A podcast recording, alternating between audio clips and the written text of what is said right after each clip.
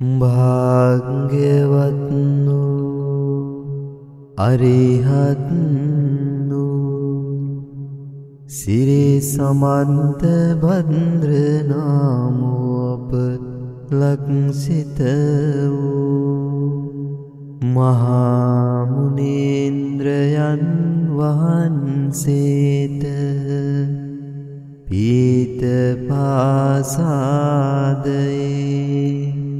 සුවඳ කුටියෙන් දම් සභාමණ්ඩපයේ මිනි පළඟට බැස වඩින්නට ආරාධනා කරමි ජීවිතයේ පරමාර්ථය කුමක්ද. මනුෂ්‍යයෙක් මේ මනුෂ්‍ය ලෝකෙට ඇවිල්ලා උපදින්නේ ඇයි. කවර කාරණයක් සම්පූර්ණ කර ගැනීම සඳහාද. මෙ අපි කල්පනා කරන්න ඕන. බොහෝ දෙනෙකුට තමන්ගේ ජීවිතය ගැන කල්පනා කරන්න හිතෙන්නේ තමන්ට ඕනදේ කරගන්න බැරි වෙලාවෙදී. එතකම්ම කරන්නේ ලෞක්ක දේවල් කර කර කාලනාස්ති කරන එක. මොනොහරි සමාජයේ විසින් පවරපු දේවල් ගොඩකට අපි හිරවෙලා ඉන්නේ.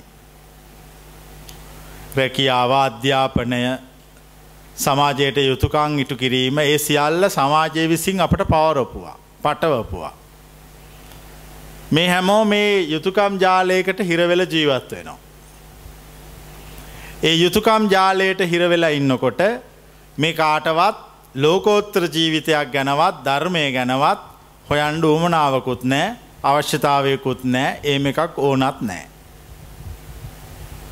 මේ විදියට දිගට ජීවත්වයගෙන යනකොට අපට තේරෙනවක් සමහර වෙලාවෙදි කාලයත් එක්ක ඒ අපි හිරවෙල ඉන්න සමාජ යුතුකං සමුදාය අපට අවශ්‍ය විදියට පවතින් නැති බව. ඒ අපට ඕන විදියට වැඩ කරන්නේ. ඒ අපට ඕන විදියට තියෙන්නෙත් නෑ.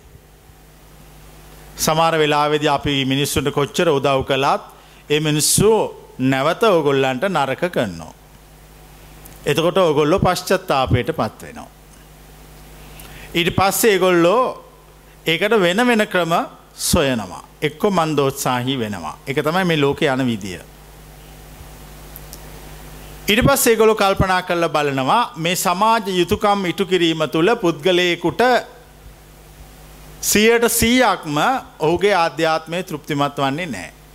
ඔන්න දැන් අර තමා එතෙක් හිරවෙලා හිටපු සාපේක්ෂ ජාලය ගැන සැක කරන්න පටන් ගන්න. මුලින් ඕකට හොඳට හිරවෙලා හිටිය. ඕක තියෙන දේවල් හරියටම කලා. යුතුකාං ඉටු කලා වගකයෙන් ඉටු කලා හැමෝටම සැලකුවා හොම කරගෙන ඉන්නකොට තමයි එක දෙක තුන හතර පහ වරදිනකොට තමයි පොඩ්ඩක් කල්පනා කරලා නැවතිලා ඊට වඩා වෙනස් එකක් නැද්ද කියලා හොයන්න මනුෂ්‍යය පෙළමෙන්නේ. ඒ එකක විදිිය. අනෙක් විදිය තමයි ඒ සමාජ යුතුකං ඉටු කරගෙන ජීවත් වෙනකොට තමන්ගේ ජීවිතයේ නොසිතපු දේවල් වලට තමුන්ට මුණ දෙන්න සිද්ධ වෙනවා. එක්කො මරණය එක්කො ඒහා සමාන දෙයක්. එක්කෝ මොකක් හරි හදිසි අනතුරක්. ජීවිතේ වගේ දේවල් හෑම කෙනෙකුටම අත්විඳින්න ලැබෙනවා තමා ගෙවා දමන ජීවිතය තුළ. ඒවා නොලැබෙන කවුරුවත් නැහැ.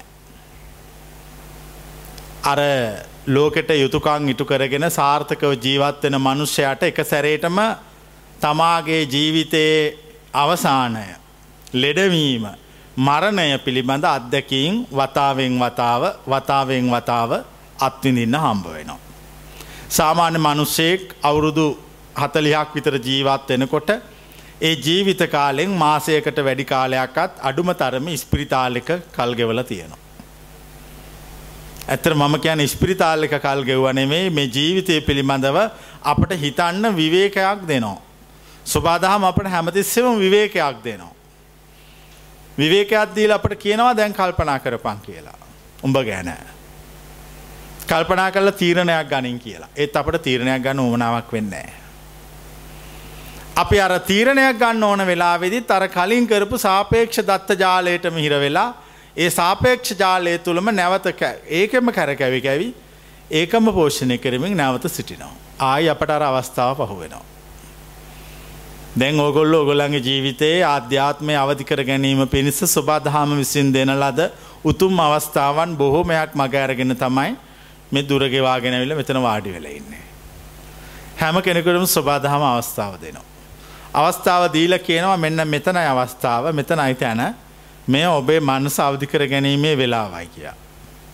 ඉට පස් ඒක කරන්න නැතුව වෙන මොකක් කර එකක් කරනවා. මනුෂ්‍ය හැමවිටම සාපයකට හසු වෙලා සිටින නිසා ඒ මනුෂ්‍ය ආශිර්වාදය තමාට ලැබෙන විට මනුෂ්‍ය කල්පනා කරනවා ආශිර්වාදය සාපයයයි කියා. ආශිර්වාදය සාපයයි කියා කල්පනා කරන මනුස්්‍යයට ජීවිතය හැමතැනම වරදිනවා. සැබෑ ආශිර්වාදය කුමක්ද සැබෑ සාපය කුමක් දැයි නිශ්චිත ගවේශණයකට නිශ්චිත නිගමනයකට එන්න ඔට ආත්ම විශ්වාසය හා ප්‍රඥාව මදිකාම. එදක නෑ. එදක නැති නිසා වරදිනවා. දැම් මෙහෙම මෙහෙම ගිහිල්ලා මේ ජීවිතය කොතන හෝ තැනකදී අපි මේකට විරාමයක් නැවතීමේ ලකුණක් තියෙනවා. ඒ නැවතීමේ ලකුණ තියන්න මොහොතකට කලින් අපේ ජීවිතය අපි අපෙන් අහනවා පරමාර්ථය සෙව්වද කියලා. මේ අරමුණ හොයා ගත්තද. මම මේ මනුෂලෝකෙට පැමිණියේ අහඹුවක්ක ප්‍රතිඵලයක්. මම පැමිණියේ කුමක් සඳහාද ඒක හොයාගණ්ඩෝන මම. මගේ ජීවිතය අවසන් වෙන්න මොහොතකට කලින් මම මගෙන් ප්‍රශ්නයක් අහනෝ. ඒ මමහන මගෙන් අහන ප්‍රශ්නය තමයි මම මේ ආපු කාරණය ඉටු කර ගත්තාද. ලක්ෂක් මේ මනුස්සලෝකට ආවොත් එ ලක්ෂෙන් නමසි අනු නමදස් නමසි අනු නමයකුයි දසම නමයයි නමයයි නමයක්ම නැවත හිස්සතින් ගමන් කරන. පරමාර්ථය නො ලබා. ඉතාම සුළු පිරිසක් ජීවිතයේ පරමාර්ථය ලබනෝ. මොකක්ද ජීවිතයේ පරමාර්ථය. මම මෙහෙන් යනකොට මට සොයන්න කිසිවක් මෙහෙ ඉතුරු වෙලා නොතිබිය යුතුයි.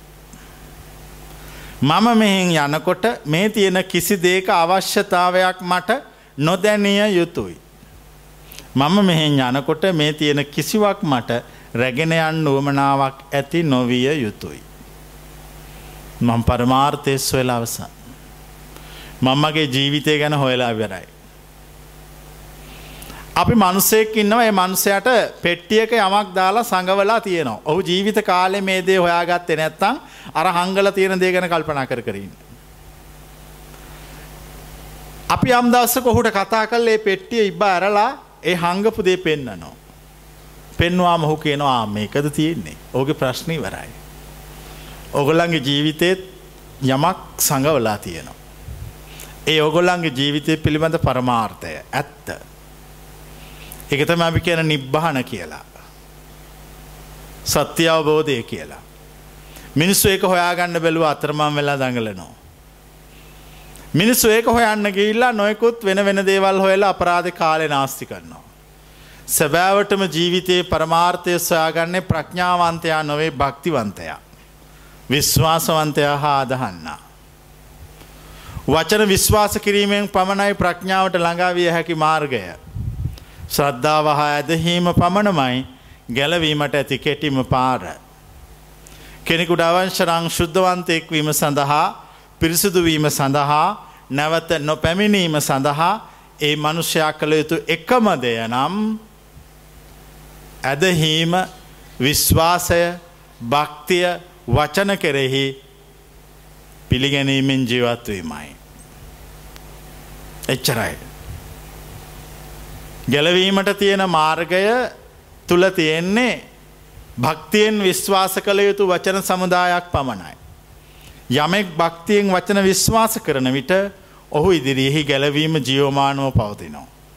ඔහු ඉදිරියේ ඔහුගේ නිවන ඔහුගේ ස්වර්ගය ඔහුගේ පරමාර්ථය ඔහුගේ සත්‍යාවබෝධය පිණිසිටිනෝ. ඔබට සත්‍යාවබෝධය නොපෙනෙන්නේ ඔබේ වචන කෙරෙහි ඔබට ඇසෙන විශ්වාසය මදිකම. ඔබට සත්‍යාවබෝධය නොවන්නේ ඔබේ භක්තියෙහි අඩුවක්. ඔබට සත්‍යාවබෝධය නොවන්නේ ඔබේ ඇදහීමෙහි දුර්වලතාවයක්.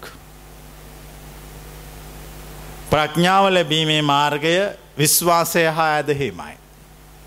නිවන් මඟ පටන්ගන්නේ ශ්‍රද්ධාවෙන්. ලෝකෙ කිසිම තැනක කිසිම ශාස්තෘවරයෙක් දේශනා කරන්න නිවන් මඟ ප්‍රඥාවෙන් වඩනවා කියලා. ලෝකෙට පරමාර්ථය අරගෙන පහළ වෙන සියලු මුනිවරු දේශනා කරන්නේ නිවන් මග පටන්ගන්න හා අවසන් වන්නේ ශ්‍රද්ධාවෙන් බව. කෙනෙකුට යමෙක් කෙරෙහි භක්තිය විශ්වාසය හා ඇදහීම තියෙනවනා. ඒ පුද්ගලයාට ගැලවීමට ති එකම මගයයි. වෙන කිසිව මාර්ගකින් ගැලවීම සොයන්න බැහැ. නිවීමට ළඟාවෙන්න බැහැ. නිවීමට ළඟාවීමට කැමැත්ත තියෙන මනුෂ්‍යයා කළ යුතු එකම එක දෙය වචන විශ්වාස කිරීමම පමණයි. වචන විශ්වාස කිරීමමයි මාර්ගය. තමාට ඇහෙන දෙය පිළිගැනීමමයි මාර්ගය. තමාට ඇහෙන දෙය තුළ විශ්වාසයෙන් ගිලියෑමමයි මාර්ගය. එසේ නැති කිසි කෙනෙකුට මාර්ගය විවරවන්නේ නැහැ. මාර්ගය විවර කර ගැනීම සඳහා විශ්වාසය භක්තියව ඇදහීම හා ශ්‍රද්ධාව. මේ සියලු වච්චනවලින් පැහැදිලි කරන කරුණ පිළිබඳව ඔබ ගැඹුරට විශ්ලේෂණය කොට සොයාගත යුතුයි. කෙනෙකුට පුළුවන්නං මහා විශ්ලේෂණයන්ට නොයා නිදහසේ සවන්දීමෙන් ඇදහීම තුළ සිටින්න ඔහු ගැලවීම කරා ගමන් කොල්නවා. මහිතන්නේ කෙනෙකුට නිවෙන්න තියෙන ලේසිම විදිිය එක. එහෙම නැතුව සියල්ල විශ්ලේෂණය කළ ප්‍රඥා මාර්ගයක් සොයාගෙන ගැලවීම සොයන්ගියොත් ඒක හරි දුර ගමනක්. අපි හැමදේම කැමති කෙටියෙන් අවසන් කල්ල දාන්න. මං ඔගොලන්ට කියනවා මේ මනුස්ස ලෝකයට ඔගොල්ලවාව යමක් සොයාගෙන ඒක දීර්ඝ කතාවක් කරගන්න යන්න එපා එක පුංචි කෙටි කතාවක් කරගන්න. මිනිස්සු කැමති නව කතා කියවනවට වඩා කෙටි කතා කියවන්න. ඒව හරි ඉක්ම. විමුක්ති මාර්ගය කෙටිකතාවක් වන්නේ භක්තිවන්තයකුට පමණයි. විමුක්ති මාර්ගය කෙටිකතාවක් වන්නේ ශ්‍රද්ධාවන්තයකුට පමණයි. යම් කෙනෙක් භක්තියෙන් විශ්වාසයෙන් නොසිටියොත් ඔහුට විමුක්ති මාර්ගය නවකතාවක්. පිටු හාර පන්සීයක් තියෙන. කියවල ඉවර කරන්න බැරි. යම් කෙනෙක් තමාගේ ගුරුවරයා කෙරෙහි භක්තියෙන් විශ්වාසයෙන් ඇදීමෙන් හිටියොත් ඔහුට විමුක්ති මාර්ගයේ කෙටි කතාවක් ඉක්මනින් අවසං වෙන එක. එතකොට කෙනෙක් මගෙන් අහවී දැන් ඔබ දෙසන විදියට විමුක්ති මාර්ගයේ කෙටි කතාවක්. ඇයි අපට තාම එක කෙටි කතාවක් නූනේ නුබලාගේ ඇදහීම නුබලාට සාක්ෂි නොදරන නිසා.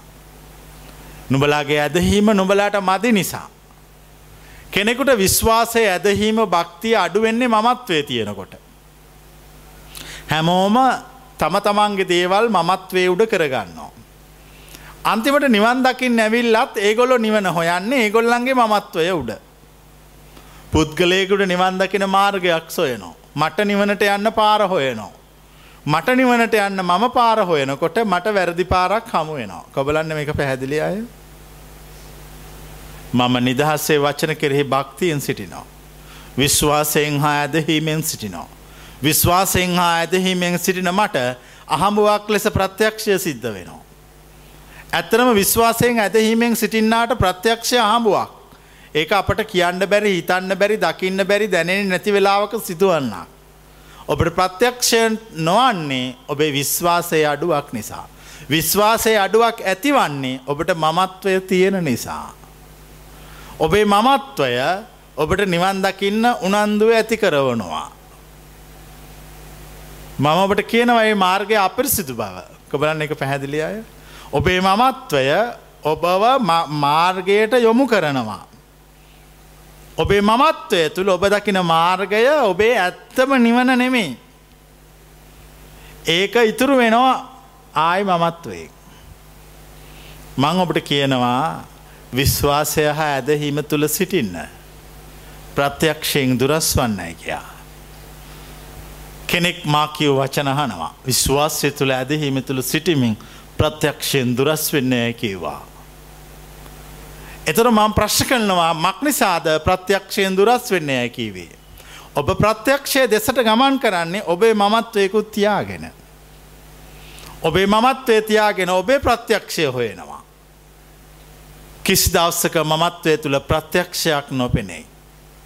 මමත්වය තුළ ප්‍රත්‍යක්ෂය පේන්නේ මමත්වය තුළ ඔබට පේන්නේ ඔබේ මමත්වය තෘප්තිමත් කරවන තවත් හැඩතල විතරයි. කෙනෙක් මා දෙසන මේ වචන මමත්වයෙන් අහනකොට ඒ මමත්වයෙන් අහන මනුෂ්‍යයාට සාපේක්ෂක නිවන් මගක් හැදෙනවා. මේ සාපේක්ෂක නිවන් මඟ පිළිබඳව හැමෝම හොඳට සෙවිල්ලෙන් ඉන්න ඕන. මේ ඉන්න විශාල පිරිසෙන් බොහෝ දෙනෙකුට තියෙන සාපේක්ෂක නිවන් මගක්. සාපේක්ෂක නිවන් මගක් කියල කියන පුද්ගල දුර්වලතාවයන්ට ගැලපෙන්න හැදිලා. හිත දුර්වල කෙනෙකුට නිවන් දකින්න ඕන වෙනවා. එතකොට එයා හිතනවා හිත ශක්තිමත් කර ගැනීම තමයි නිවන කියලා. මම කියනවා එක වැරදිී කියලා. ඒ සාපේක්ෂක නිවනා. කෙනෙක් ඉන්නවා ඔහුට බැහැ මිනිස්සුත් එක්ක සුහදව මිත්‍රශීලීව ජීවත් වෙන්න. ඔහු එතකොට සුහදව මිත්‍රශීලීව ජීවත් වෙලා හිතනවා ඒක තමයි නිවන් මඟ කියලා. ඒක සාපේක්ෂකයි. කෙනෙක් ඉන්නවා ඔහු අකමැති යමක් යමෙකුට පරිත්‍යාග කරන්න. ඔහුට පස්ස හිත හදාගන්නවා තමාළඟ තියෙන දේවල් පරිත්‍යාග කරන්න. ඒක සාපේක්ෂකයි. මෙස්සයල්ල සාපේක්ෂකයි. මේ සියල්ල මම කරන්නේ මට නිවනක් ඕන නිසා. මම වෙනස් වෙන්නේ බලාපොරොත්තුවක් ඇතුව කොවලන්න පැහැදිලි අය මම වෙනස් වෙන්නේ බලාපොරොත්තුවක් ඇතුව. මං මගේළඟ මා සතු කර ගත්තදේ අන්න අයට පරිත්‍යාග කරන්නේ නිවනෙන් ටිකක් ඉල්ලගෙන. එගොලන්ට මම මල්ලඟ තියෙන කෑම දීල කියනවා මම මං බත් පාර්සලයක් දෙන්නම් මගේ නිවන උඹළඟ තියෙන ටික මට දීපන් කියලා. එයා බත් පර්සලයක් දිල එයාගේ නිවන ඉල්ල ගන්නවා. ඉට පස්සේ ආච්චන මං උඹගේ පිපාසාවට වතුර දෙන්නම් හැබැයි මගේ නිවන උඹළඟ තියෙන කෑල්ල මට දීපා. මන් දකින්න මේ ඔක්කොම ගණ දෙනු කියලා. මේකක්කත් මං කියපු පාර නෙමේ. මං කියප පාරතුළ තියෙන්නේ විශ්වාසය ඇදහීම පමණයි. භක්තිය පමණයි. කෙනෙක් විශ්වාසයෙන් ඇදහිමෙන් සිරිනකොට කෝමත් ඔවුට ප්‍රත්‍යක්ෂය හම්බුවක් ලෙස සිද්ධ වෙනවා. ජීවිතය අවබෝධයස්ස යන්න කැමති වෙන මිනිස්සු හරි වෙනස්.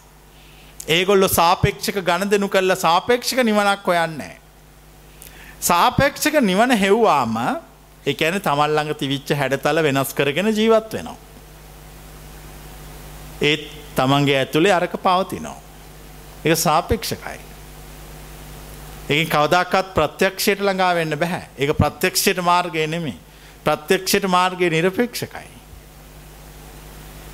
ඔගොල්ලු ඇමොම සාපේක්ෂික මාර්ගයක් හදාගෙන තමාළඟ තිබිච්ච දේවල් යම් තර්මකට වෙනස් කරගෙන මමත්වයකුත් එක්ක ජීවත් වෙනවා. ඒ මමත්වය තුළ පුද්ගල දුරුවලතාවයන් පවතිනවා ඕන එපාකම් පවතිනවා ඒක තුළ විශ්වාසය හා ඇදහීම අඩුයි. භක්තිය අඩුයි. විශ්වාසය ඇදහිම අඩු කෙනාට කවදක්කත් ප්‍රත්‍යක්ෂයක් සිද්ධවන්නේ නෑ. ප්‍රත්‍යක්ෂය අවශ්‍ය ශ්‍රාවකයා සිදු කළ යුතු වන්නේ අර සාපේක්ෂක නිවන් මග සාපේක්ෂක නිවන් මග වසයෙන් තේරුම් ගන්න ඕන. මං මේ මේ වචන අහලා මේ වචනවල යහපත් දේවල් තියෙන නිසා මං ඒවට පුරුදු වෙලා දැන්. ඒ වනාට මගේ හිතේ යට අර මගේ පරණ ගතිටික හෙවම නඩත්තු කරගෙන හංගගෙන මමත් රවට්ටගෙනගෙන ලෝකයත් රවට්ටමින් මම ජීවත් වෙනවා. ඔන්න ඕම හිතන් නෑ කවුරුවත්. හැබැයි මේ සුබාදහමට මම කියන්නේ ඇස් තියෙනවා කියලා. මම කරන සියල්ල සුබදහම මට නැවත පෙන්වා දෙනවා. දිල මාව නිවැරදි කරනවා. සමාර අවස්ථාවල සුබාදහම් මට කියනවා අර මම හංගගෙන ඉන්න දේවල් මම දන්නෙත් නැතුව එක පාරටම විවෘත වෙනවා. ලෝබයෙන් ජීවත්වෙච්ච මනුස්සෙක් දානපතියෙක් ලෙස සමාජයේ ජීවත් වෙන පටන් ගන්නවා. ඔහු කලින් හරි ලෝබයි. ඔහු දැන් මිනිස්සුන්ට දෙනවා පරිත්‍යාග කරනවා නොයකුත් දේවල් සිදු කරනවා. ඒ වනාට එක පාරට මොහුගේ මොකක්ද වෙන්නේ. අර ලෝභකම නැවතිස්මතු වෙනවා. එතර මං ඔබෙන් ප්‍රශ්නයක් අහනවා. දැන් මෙයා කලින් ලෝබවෙල ඉඳලා පස්සේ ධර්මිකයෙක් වුණා. දන් දෙන්න පටන් ගත්තා පරිත්‍යාග කරන්න පටන් ගත්තා. ඉට පස මෙයා ආයි ලෝබුණේ කොහොමද. සාපේක්ෂකයි. එයා ඉන්න ජීවත්තච සමාජ දිහා බලාගෙන ඉඳලා ඒක ඉන්න මිනිස්සු ඒ වගේ නිසා එයා අර යාළඟ තිබිච්ච හැඩතල ටික වෙනස් කළ අර වගේ ඉඳලා. ඒ වුණාට එයාගේ උපත්තියෙන් ආපු ලෝභකම හා දුර්වල තාටිකයා සංගවගෙන ජීවත් වෙලා. කොබලන්න මේ දහම දැන් තේරෙන අය. දැන් ඔගොල්ලෝ ඔගොල්ලෝ ගැන කල්පනා කරන්න. කෙනෙක් මේ වචන අහලා වචන කෙරෙහි භක්තියෙන් පසු වුණොත් ඒ වුණාට එයා ඇත්තටම ළඟා වෙලා නැත්තං සුබාදහම හුගේ හිත පෙරලනවා. ඇත්තරම සුබාදහම මට නිවැරදිම විනිශ්චය ලබා දෙනවා. කොබලන එක පිළිගන්න. සුබාදාම මම් පිළිබඳ නිවැරදිම විනිශ්චය ලබා දෙනවා. මට ලෝකෙ ඕන කෙනෙකුට හොර කරන්න පුළුවන් මට අහසට පොළොවට හොර කරන්න බෑ. කෙනෙක් මේ කියන වචන හලිවර වෙලා ඒ වගේ වෙලා ජීවත්ව නෝතින් සමයට අවුරුදු විස්ස විසියෙක්වෙනි අවුරුද්දේ ඔහු අරහංගගෙන හිටපු ඔක්කොමටි කෙලි වෙනවා. එතකොට ඔහුට තේරෙනවා මං කල්ල තින ලොකු බොරුවක්. මංගේ වච්චන හල ඒ වගේ ජීවත් වෙලා හැබැයි මල්ලඟ තිබිච අඩුව තාම තියෙනවා මල්ලඟ තිබිච දුෂ්ටකවන්ටික මල්ලඟ තිබිච ඊර්සියාව මල්ලඟ තිබිච අනුන්ගේ ඕපදූප හොයන ගතිය අනුන්ගේ කුණුගොඩවල් එක්ක ජීවත්වෙන් ඇති කැමැත්ත අන්න අය පහත් කොට සැලකීම මම උසස් කර ගැනීම මේ සියලු දුරුලතාවයන් මල්ලඟ තිබිල තියෙනවා. ඒ වුනාට මම දහමක් අහලා ඒ වචන ලස්සන නිසා ඒ වචන උතුම් නිසා ඒ වචනවලට බොහෝ දෙනෙක් ගරු කරන නිසා හා ඒ වචන තාර්කික නිසා. ඒ වචන කිසිවකට බිඳින්න බැර නිසා මටත් ඒ වචන නිසා වටිනකමක් ලැබෙන නිසා. මං ඒව පිළියරගෙන ජීවත් වෙලා. එවුනාට මගේ ඇතුළ වෙනස් කරගෙන නෑ. මල්ලඟ තිබිච්ච දුරුවල්ල තාටික ඒ විදියට මගේ ඇතුළේ හඟගෙන ඉන්නවා. එවනාට මං උඩින් බැලුවා මේ වචන හපු ප්‍රත්‍යක්ෂයට පත්වෙච්ච කෙනෙක් වගේ. කලක් ගයාම සමට අවුරුදු දහයක් ගයාම විස්සක් ගයාම අර හැංගගෙන හිටප එක එලියට එන්න පටන් ගන්නවා. එතකොට තමුන්ට තේරෙනවා තමුන් මෙතෙක් කලක් ලෝකයේ නරකම තමුන්ට කරගෙන. එක කියන්නේ එකක් අහල එක විදිකට ඉඳලා. දැන් එතොට කෙනෙක් කල්පනා කරනවා දැම් මේ මංවයි වච්ච නැහුවා. ලෝභකම තිබිච්ච මගේ ලෝභකම නැති කරගත්තා. දුරුලතා තිබිච්ච මම නිවැරදි වුණා. දැන් මේ කියන විදියට මගෙත් ඔය විදියටම මේ සිතේ අස්සේ මේක සැඟවිලා ඇද්ද නැද්ද.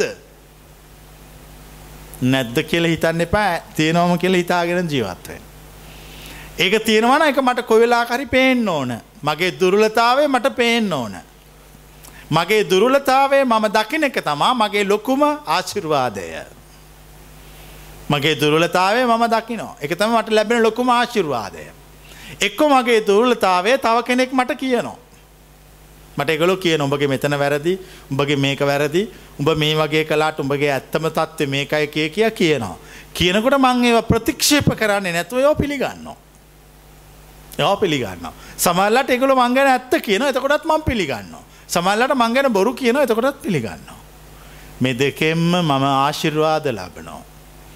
ඒ දෙකෙන්ම මම ශුද්ධවන්තයෙක් බවට පත්වෙනවා. ඒ දෙකෙන්ම මම නිවැරදි වෙනවා. මගේ ඇතුළ පිරිසිසු කරගන්නවා. මගේ ආත්මය සුවපත් කරගන්නවා. මං මං ගැන හොයා ගන්නවා. මම මේ මනුස්්‍ය ලෝකෙට යම් කරුණක් සඳහා පැමිණියේද මං ඒක අවසං කරගන්නවා. ඒක අවසන් කරන්න මම ක්‍රමයක් සොයනවා. එස් ඒ හම්බ වෙච්චක තමා ඒක.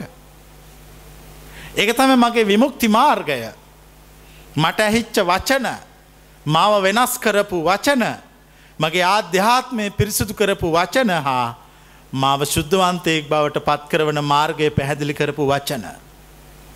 ඒ වච්චන නිසා මා පිරිසිදු වෙනවා. හැබැයි කොයිවෙලාවකත් අපි විශ්වාස කරගෙනන්නේ නෑ මා පිරිසිදුයි කියා. හැම විටම අපිරිසිදු තැනක් සොයනෝ. ඇත්තටම කෙනෙක් පිරිසිදුනා ඔහු සෙවී යුත්තේ ඔහු අපිරිසිදු වෙන තැනමයි. කොවලන්න පැහැදිලියයි කෙනෙක් පිරිසිදු නම් ඔහු සෙවී යුත්තේ වූ අපිරිසිදු වෙන තැන. කෙනෙගේ පිරිසිදු වස්ත්‍රයක් ඇඳගෙන සිටිනවා නම් ඔහු සෙවී යුත්තේ ඒකේ මඩගෑවෙන්න ඉඩ තියෙන තැන. පරීක්ෂාවෙන් සිටියයුත්තේ එතන ගැන. මඩ ගෑවුනත් නැතත් මෙතන මඩ ගෑවෙන්න පුළුවන් කියල පරීක්ෂාවෙන් සිටිය යුතුයි. කොච්චර හිත හැදුවත් එක පාරටම හිත පෙරලිලා යන්න පුළුවන්. ඒ හිත වචනහල හදලා ඇත්තටම හැදිලා නෑ. දැම් මං ඔබගෙන් ප්‍රශ්නයක් අහනෝ. මං කියපු වචනහලා ඒ වචනවලට අනුව හදලා ඇත්තටම හැදිලා නෑ. ඒක ප්‍රත්‍යක්ෂයට ළඟද ප්‍රත්‍යක්ෂයට දුරද. එය ප්‍රත්‍යක්ෂයට දුරයි. ඇත්තටම ඇදිලා නෑ. ඒ වචනහලා ඒ වගේ වෙලා ඉඳලා. කාලයක් යනකොට අර තමුන්ගේ ඇතුළ තිබිච දුරුවලතා ආය එකින් කෙලියට පයින්න පටන් ගන්නවා. කුවකකම ඊර්ෂියාව වෛරය දුෘෂ්ටකම තරඟකාරීත්වය නොයකුත් දුරලතාවයන් එලියට එන්න පටන් ගන්නවා. එතකොට තේරෙනවා මං බනාහලා හිටියට මගේ ඇතුළ හැදිල නෑ මං ඇතුළේ ඔක්කොම කුණුතියාගෙන ලස්සනට ජීවත් වෙලාගේ. කොමත් මනුෂ්‍යගේ ආධ්‍යාත්මය ස්වභාව දෙකක් වැඩ කොන්නවා. මනුස්සෙක් කළයුතු ප්‍රඥාවන්තම වැඩේ තමයි තමාගේ සිත මෙහෙය වෙන වැඩ කරන විදිය පිළිබඳව සෙවිල්ලෙන් ඉන්නවා. සෙවිල්ලෙන් ඉන්නවා. මගේ සිත මට කියන දේ ගැන මන් සෙවිල්ලෙන් ඉන්නවා. මගේ සිත මට හොඳ දේවල් කිව්වොත් ඒ ගැන සෙවිල්ලෙන් ඉන්නවා. මගේ සිත මට නරක දේවල් කිව්වොත් ඒ ගැන සෙවිල්ලෙන් ඉන්නවා. සමාර වෙලාවට මගේ සිත ධර්මය කියන ඇඳුම අරගෙන මට ඒකෙන් අන්දවනවා පොරෝනවා. ධර්මය කියන බෙඩ්ෂිට් එකෙන් මාව වහනවා. එතකොට මට දැනෙනවා මම ආරක්ෂිතාව සිටින්නෙක් කියා එවනට මම ආරක්ෂිත නෑ. ම බෙට් සිට්ටයකින් පොරෝගෙන ඉන්නේ. ඔය බෙට් සිට්ක නැති වෙච්ච වෙලාවට මට අයි සීතල දැනෙනවා. දැ මට අවශ්‍යයි සීතල දැනෙන් නැති ක්‍රමයක් හොයා ගන්න. එකැන ප්‍රත්‍යක්ෂය අවශ්‍යයි. ප්‍රත්‍යක්ෂය අවශ්‍ය නිසා මං හැමතිස්සෙම මගේ සිත ගැන සෙවිල්ලෙන් ඉන්නවා. ඉල්ලීස ජාතකය ඉල්ලිස ජාතක තියෙන ලස්සන කතාවක්. ඉල්ලීස කියලා කියන්නේ මහ ලෝබම කුණෙක් රජ කෙනෙක් මහා කුණු රජ කෙනෙක්. ලෝබයි. කිසිම දෙයක් කිසිම කෙනෙකුට කිසිම දවසක නොදීපු පුද්ගලයෙක්. දවසක් සක් දෙවිඳුට ඕන වනා මේ ඉල්ලිස්සගේ ලෝබේ නැති කරන්න. සක්දෙවිඳු ඉල්ලීස වගේම රූපයක් මවාගෙන මනුස්ස ලෝකෙට ඇවිල්ලා කිව්වා මේ මගේ මේ කරත්ත මේ බාණ්ඩාගාර ඔක්කො මැරලා මේ තියෙන වස්තුව මිනිස්සුන්ට ගෙනියන්න දෙන්න කියලා. මාලිගාව හිටපු බිසෝවරු සේවකයෝ හා ඇමතුවර ඔළුව අතගහ ගත්ත මේ රජ්ජුරුව කවදාකත් නැතුව මහා ලෝභ කුණෙක් මේ ඇයි මෙම දෙන්න කියන්න කියලා. ඒනාට රාජාඥාව කඩන්න බෑ කරන්න ඕන එක ඒගොල්ලො ඒ කියපු විදිර දුන්නා. ඉල්ලිස රජ්ජුරුව ගමනක් ගිහිල්ල එනවා. එනකොට දැක්ක යාය කරත්ත පාර යනවා. පිටි පස්සෙන් ගීල කොහොම හරි අල්ල නවත් එලහව මේ කරත්ත කාගෙද. ඇයි ඔබතුමා අපට දන් දුන්නේ. මම දන් දුන්න. ඔවු අර මාලිගාවන්නේ. රජ්ජුරුව වහාම මාලිගාවට ගිය. ජනකොට යාවගේම තව කෙනෙක්කින්න. දැන් ඊට පස්සෙකවා මේ දෙන්නගින් ඇත්තෙක් කෙනා හොයන්න.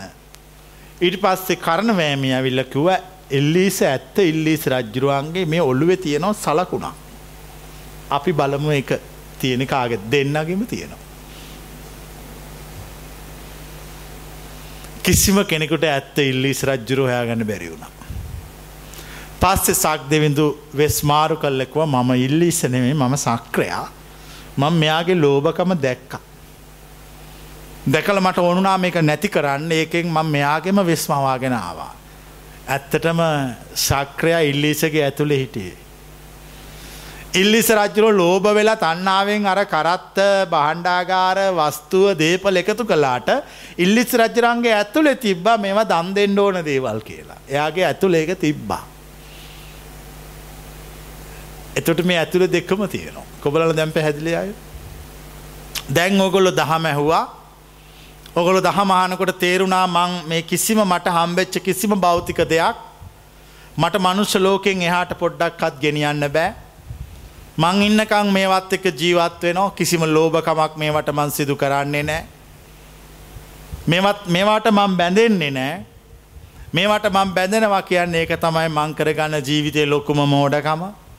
පස්සෙ මෙ මට අතාරඉන්න බැරුව මට කෑගහන්න සිද්ධ වෙනවා.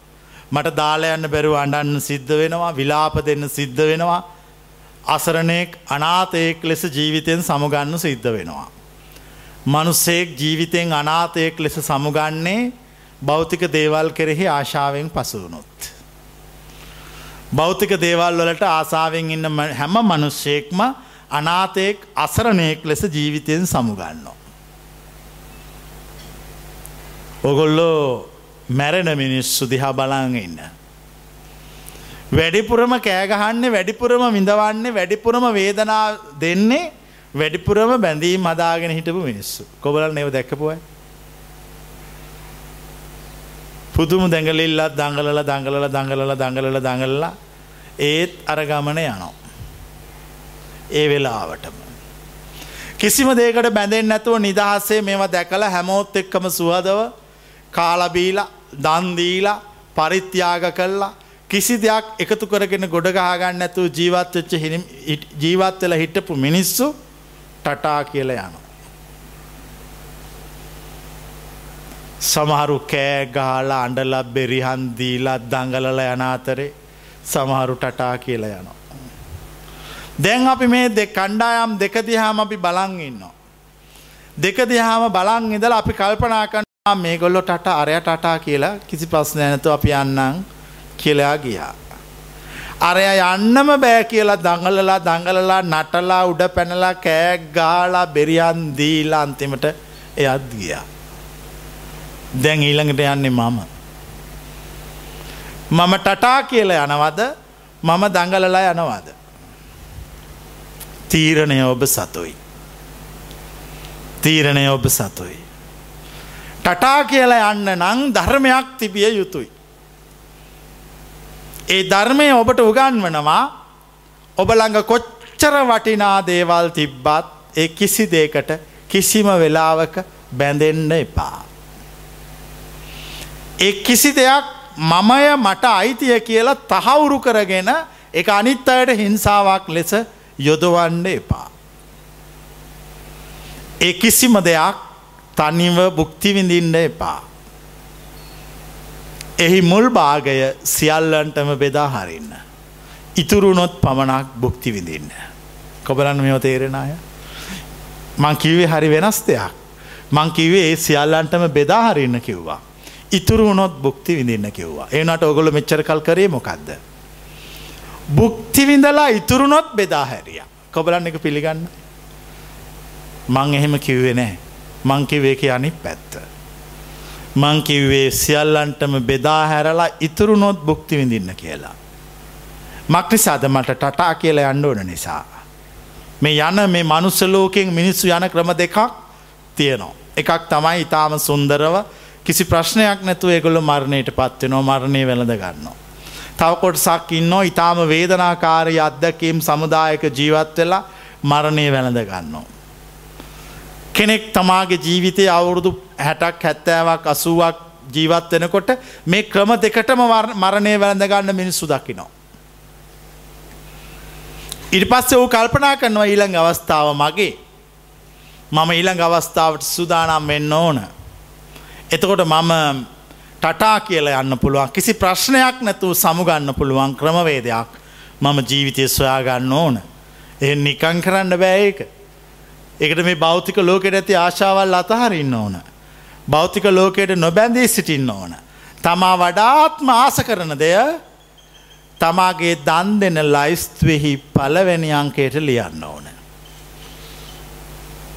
මේ සමන්ත භද්‍රගේ උපදේශන මාලාවයි. තමා වඩාත්ම ආසාාවෙන් ඉන්න දෙය තමාගේ දන් දෙන ලයිස්තුවේ මුලින් ලියන්න ඕන. ඒ සමන්ත භද්‍රගේ උපදේශ. ඒවා කඩන්ඩ කාටවත් බෑ. ඒවා කඩන්න පුළුවන් එතකොට ටටා කියන්න බෑ. කොබලන්න මෙ තේරෙන අය. හූ කියලා කෑගහලා අන්ඩල්ල බෙරිහන්දීලා ළඟ ඉන්න උන් විකල තමයි මැරෙන්නේ. එම්බාම් කරන්න කලින් බෙහෙද්දාන්න හත්තට දෙනෙක් ස්පිරිතාලට යවනෝ තුවාල කල්ලා මේක මැරෙන්න්න ගිහින් අපිෝ විකලා. දාලා යන්න බෑ කියලා. ඒ වනාට උගියා. අපි එහෙම මෙය දෙන්නේ නෑ. අපි ක්‍රමයක් හොයා ගත්තා කිසිම ප්‍රශ්නයක් නැතුව නිදහසේ මේකෙන් යන්ඩ. මොකද අපි නිදහසෙන්ම යාවේ. අපි කවරුවත් කෑගහගෙන අඩාගෙන පෙරලගෙන මට නැති වුණෝ කියාගෙන වෙල මෙතෙන්ට වැටුන්න අපි නිදහස්සය ඇවිල වැටුණා. ඒ ඉන්න අතරේ අපි ලෝභකම හදාගත්තා. තන්නාව ආශාව බලාපොරොත්තු වැඩි කරගත්තා. ඒ වැඩිවීමත් එක් අපි විශාල මානසික අසානයකට පත් වනා. අපේ තිබිච්ච අධ්‍යාත්මීය සංහින්දියාව නැති වෙලගයා. මේ භෞතික ලෝකෙ අපි දැකපු රූප කෙරෙහි ආශාවෙන් බැඳුනා. බැඳිල අල්ල ගත්තා දැන් දාල යන්න බැරුව කෑ ගහනවා. දැම් මම ඔගොල්ලන්ට උපදෙස් දෙෙනවා. ඔගොලන්ගේ ජීවිතය වැඩියෙන් මාස කරන දෙය කාට හරි දෙන්න. දෙන්න එකෙක් නැත්තං අදම ගිහිල්ල මහමූදට දාන්ඩ. දාලා තැන මතක තියාගන්න එපා. කවදක හරි ජීවිතය හිතේවි ආය ගිහිල්ල ගණ්ඩ ඕන කියලා. අර තාපසෙක් වගේ වෙන්න එක තාපසෙක් හිටියා. ඒ තාපසයට මහා ධනවත් මනුෂ්‍යයෙක් රත්තරනින් වලලු දෙකක් හදලගෙනවා. ගෙනල්ල ඒ තාපසයට කිවා ඔබට කිසි ආභරණයක් දාගෙන නෑ මේ රන් රත්තරම් වලලු දැම්මා මොබ හරි ලස්සන වේවි දාගන්න මේ වලලු කියලා. වලලු දෙක තාපසයගේ අතට දැම්මා. දාල තාපසේක දයා බලලා එක වලල්ලක් ගලවල වීසි කරා.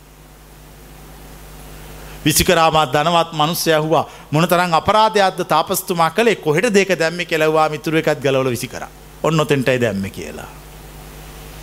ඔබ පරිහරණය කරන සියලු සම්පත් එලෙස පරිහරණය කරන්න. කුද්දල පණ්ඩිතයාගේ උදැල්ල මතක තියාගෙන ජීවත්වෙන මනුෂ්‍යයාගේ මරණය හඬා වැටීමක් වන්නේ නැහැ ඒ මරණය සුන්දර මරණය. කුද්දල පණ්ඩිතයට උදැල් ලක් තිබුණා. කුද්දල පණ්ඩිතයා තපසට යන්නේ උදැල්ල හංගලා දැ සමාරු මහනවෙන්න කලින් පාවිච්චි කරපු බඩු ටික හංගල තියල එන්නේ. අරයා තපස් රකිනකොට ටික දවසක් ගහාම උදැල්ල මතක් වෙනවා. උදැල්ල මතක් වුණාම ඉන්න බෑ. යන්න මහිතෙන්නේ. කුද්දල පණ්ඩිතය උදැල්ල හොයාගෙන යනවා. මොකද අවුදැල්ලට ඇබ්බැහි වෙලා. අර මහනකමයාට කරන්න බෑ ගෙදර තියෙන උදැල්ල නිසා. කුද්දල පණ්ඩිතයා තපස් ජීවිතයෙන් සමුවරගෙන උදැල්ල හොයාගෙන යනවා. ආය උදැල්ලෙන් වැඩ කරනකොට ආය ජීවිතය කලකිරෙනවා. තේරුමන්න මේ උදැල්ලෙන් කොට කොටා ඉන්නවා. මේක නැද්ද ඉවරයක් අවසානයක් කියලා. ඉට පස්සේ කුද්දල පණ්ඩිතය ආය කරන්න මොකක්ද උදැල්ල හංගල තපසට යනවා. කුද්දල පණ්ඩිතව අත උත්සන්න. මේ වැඩි හරයක් කුද්දල පණ්ඩිතයෝ. උදැල්ල ආංගල තපසට ඇවිල්ලා. දැන් තපස් රකිනෝ. තපස් රකිනකොට චුට්ට එහෙ මෙහෙ වෙනකොට උදැල්ල මතක් වෙනවා. එම මනුස සිතේ වීදිය මේ මනුස සිත වැඩ කරන්නේ කිසිම කෙනෙකුට පුරෝගතනය කළ නොහැකි ආකාරයක හරි සංකීර්ණයි. මේ මනුස සිත පිළිබඳව සියල්ල සොයල් ඉවර කරනකම්ම මේ මනුස්ස සිත අයිතිකාරයට රිද්දෝනෝ කොබලන්න එක පැහැදිලියයි. මේ සිත අයිතියෙක් කෙනාට රිද්ධවන්නේ වෙන කාටවත් රිද්ධවන්න මගේ සිත ගැන මම හොයා නොගැන ඉන්නතාක්කල් මගේ සිත මට රිද්ධ ඕනෝ. මගේ සිත ගැන සියල්ල හොයල ඉවරවෙච්ච වෙලාවට මගේ සිත සදාකාලිකවම නිවී පවතිනවා. දැ මෙයා එනවා යනවා එනවා යනවා එනවා යනවා මෙයාට හිතුනවා මේක මහ වදයක් මේක. මේ උදැල්ලක් මගේ ජීවිතය පාලනය කොන්නෝ. උදැල්ලක් පාලනය කරන්න. අච්චර වටින පණ්ඩිතයක ජීවිතය උදැල්ලක් පාලනය කරන්න. බලන්න මොන් මේ ලෝකෙ මොනතරම් අසාධාරණද කිය. හැබැ පණ්ඩිතය හරි මධ්‍යස්ථයි. ඔහු තාර්කිකයි ප්‍රඥාවන්තයි. ඔහු නිදහස්සේ කල්පනා කළා. ඔහුට තේරුණා මේ උදැල්ල මාව මෙහේවනු. මෙච්චර ධර්මය දන්න මෙච්චර ඉගෙනගෙන ඉන්න මම මේ උදැල්ලකට යටවෙල ජීවත් වෙනවා. මේ ඉවර කළ දාණ්ඩ ඕන මේක හොඳින් ඉවර කරන්න බැහැ. කිසි දවසක මේ සංසාර ගින්න හොඳින් නියපු කවුරුවත් නෑ. මම කියන්නේ මේ සංසාරගින්න නිවන්න ඕන ලේසිම විදිය තමා මමත් මගේ අතේ තියෙන පන්දමකින් ඒගින්නට දාලයි පන්දම පත්තු කොළ මට ගිනි තියාගන්න. මට මම ගිනි තියාගන්න. එතකොට මගේ ශරීරය චිටි චිටිගග ඇවිලෙනකොට ඒ ඇවිලීමෙන් මම නිවා ගන්න කොබලන්න මම මේ කියන ක්‍රම තේරණය මම නිවල නිවෙන ගිනි තියල නිවල දැම්මා. එදා කුද්දල පණ්ඩිතය ගෙදරල ගිහිල්ල උදැල්ල අරගෙන ඇවිල්ල ඇස් දෙක වහගෙන මහා මඩවගුරක් ගංගාවක් ළඟට ගිහිල්ලා ගඟක් ළඟට ගිහිල්ලා ඔලෝ වටේ කරකවලා කරකවලා කරකවලා අතඇරිය. වැටිල ඉවර වෙනකං ඇස්සැරිය නෑ. උදැල්ල වැටිල ඉවර වුණා ඇස්සරල බැලුව වැටිච්ච තැනක් හිතාගන්න බෑ. අන්න එදා ඉඳල තමා කුද්දල පණ්ඩිතයාගේ තපස හරිගියේ.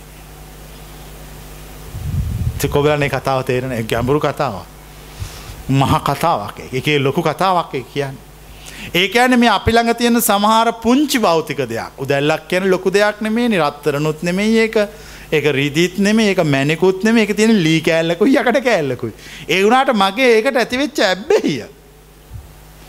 ඒකත් එක මගේ තියෙන ලබැඳියාව. ඒකත් එක මගේ තියෙන පුරුද්ධ මගේ උතුම් බ්‍රහ්මචාරී ජීවිතය පවා විනාස කළා. කොබලන් මෙව තේරෙන අය.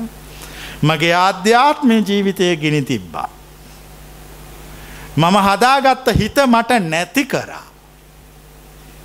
ඒ ඇන මම දහම් මහලා ඔක්කොම කල්ල හිත හදාගත්තට ඒ ඔක්කොම කල්ලා තියෙන්නේ උදැල්ලකට ආසාාවෙන් කොබලන මෙව තේරෙන අය මම නොදැනගෙන හිටියට අර තපස කරගෙන කරගෙන කරගෙන තපස පිරෙන්න්න හදනකොටම මට උදැල්ල මතක් වෙනවා. ඉගැන මේ ලෝකෙ හරි අසාධාරණ විදියට හැසිරෙන. ඇතර මම කියන්නේ ලෝකෙ අසාධාරණ නෙමේ. පුද්ගල දුරුලතාවයට මෙ ස්වබාදහම පනිෂ් කරනවා. පුද්ගල දුරලතාවයට මේ ස්වබාදහම දඩුවන් දෙනවා. අයිතිකාරයට වෙනකාටවත් නෙවේ. පුත්‍රයාගේ දෝෂයට මවට දඩුවන් නොදේමය. පුත්‍රයාගේ දෝෂයට පුත්‍රයාටත් මවගේ දෝෂයට මවටත්. මිස්වබාදහමේ දඩුවන් දෙන නීතිය එකයි. මේ නීති අපි තේරුම් ගත්ත දවසට තම අපේ ජීවිතය සාර්ථක වෙන්නේ. මිනිස්සු ආධ්‍යාත්මය ජීවිතය ගැඹුරට බහින්න හදනකොට මිනිස්සුන්ට අර භෞතික දෙයක් මතක් වෙනවා. කුද්දල ජාතකය පුංචි කතාවක් වුණට ඒක ඉතාම ගැඹුරු අධ්‍යාත්මය කතාවක් එක හැඟිලා තියෙනවා. තවසෙක්ගේ තවස් ජීවිතය අවුල් කරලා තියෙනෙ උදැල්ලක් ලොක්කු දෙයක් නෙමි. ඉති ඕගල්ලන්ගේ ජීවිතයත් එහෙම තමයි. සමයිට ඕගොල්ලන්ගේ ආධ්‍යාත්මය ජීවිතය අවුල් කරන්නේ උදැල්ලකුත් නෙමේ යතුරු කට්ටා. කොබලනුවන් කෙනෙක තේරෙනයි. කිසිම වැදගම්මකට නැති සෙරෙප්පු දෙකක්. එම නැත්තං තවත්කාගේ හරි කියන කියනකොට අපට ඇහිච්ච වචනයක්. කොබලන් තව අපි මෙහෙම යනකොට කවුරු හරි කියපු වච්චනයක් මගේ මුළු ජීවිතයම අවුල් කරා. දැන් මට අවශ්‍යයි මේ සියල්ලෙන් විමුක්තිය. මේ සියල්ලෙන් සදාකාලික සමු ගැනීම. මේ සියල්ල කිසිම පීඩාවක් නොවන ලෙසට මට අවස්සය ජීවත්වෙන්. ඔගොල්ලන්ටත් අවශ්‍ය මංහිතන්න ඒක. ඔගොලන්ගේ ජීවිතය එදිනෙදා හැමදාම අත්විඳින්න අත්දකින්න ලැබෙන හැම දෙයකින්ම ඔගලන්ට විමුක්තිය අවශ්‍යයි. ඒ කිසිවක් බාධාවක් නොවන ලෙසට තියෙන්න අවශ්‍යයි. කොබලන එහෙම එම හිතෙනය. මට යම් යම් දේවල් සිතෙනවා. මට යම් යම් දේවල් කියන්න හිතෙනවා. ඒ වගේම මට හිතෙනවා යම් යම් දේවල් කරන්න. මේ මට හිතෙන දේවල් මම කියන වචන හා මගේ ක්‍රියාකාරකම් මගේ බ්‍රහ්මචාරී ජීවිතයට සමහර වෙලාවට අවුල් ඇති වෙනවා. කොබලන කතාව පිළිගන්න අය. හරි. දැන් කොහොමද ඕක නවත්තන්නේ මෙන් මෙහෙම නවත්තන්නේ. මම එක එක දෙවල් මට හිතෙනවා. මම ඒව නවත්තන්න ඒව හිතෙන්න අරිනවා. මට එක එක දේවල් කියන්න හිතෙනවා මං එතකොට ඒවක් කියනවා. මට එක එක දේවල් කරන්න හිතෙනවා මං ඒව කරනවා. හැබැයි ඒ කිසිම කරුණක් නිසා මම කනගාටු වන්නේ නෑ. කොබලන් එහෙම පුළුවන් අය කනගාටු වෙන්නේ. ප්‍රශ්නය තියෙන්නේ ජීවිතය පිළිබඳ ඕගොල්ලො හිතන දේවල් කියන දේවල් කරන දේවල් පිළිබඳ ඕගොල්ලො පස්සේ පශ්චත්තාප වෙනවා. මට මට හිතෙන කිසි දෙයක් ගැන මට කනගාටුවක්කත් සතුටක්කත් ඇතිවන්නේ නෑ. ඒ පිළිබඳ මම මධ්‍යස්ථයි. මම කියන වචන පිළිබඳ පස්සේ මම විශ්ලේෂණය කරන්නේ නෑ. මං කියප එක හරිද මං කියප එක වැරදිද ඊට වඩා හොඳ වචනයක් කියන්න ඕනද මං එහෙම විශ්ලේෂණය කරන්නේ නෑ මම කිව්වා ඉවරයි. මම යම් යම් දෙවල් කරනවා මෙහෙට යනවා අරහෙට යනවා මෙයාට හොඳයි කියනවා අරුට බනිනවා එම කරනවා. කල්ලි වෙලා මං පස්සේ හිතන්න අපරාධන මං එයට බැන්න කියලා මට එම හිතෙන්නේ. බැන්න ඉවරයි. හොඳ කිව්වා ඉවරයි. හිතුනා ඉවරයි. හැමතිස්සම ජීවිතය කරදරයක් වෙන්නේ ඒව ගැන සොයන්න ගියොත්. කොබලන්න දැම් පැහැදිලි අය. ඒ වගේමයි අතීතය පිළිබඳව වර්තමානයේ සාකච්ඡා කරන්න එපා කොයි වෙලාවකවත්. කොබලට එක පැහැදිලිය දැන් ඊයේ අපි කාට හරි ගැහුවා. උයිස්පිරිතාලේ අද යන්න බලන්න ඇපල් ගෙඩි පහකොත් අරගෙන. ගිහිල්ලහන කවුදුඹට ගැහුවේ.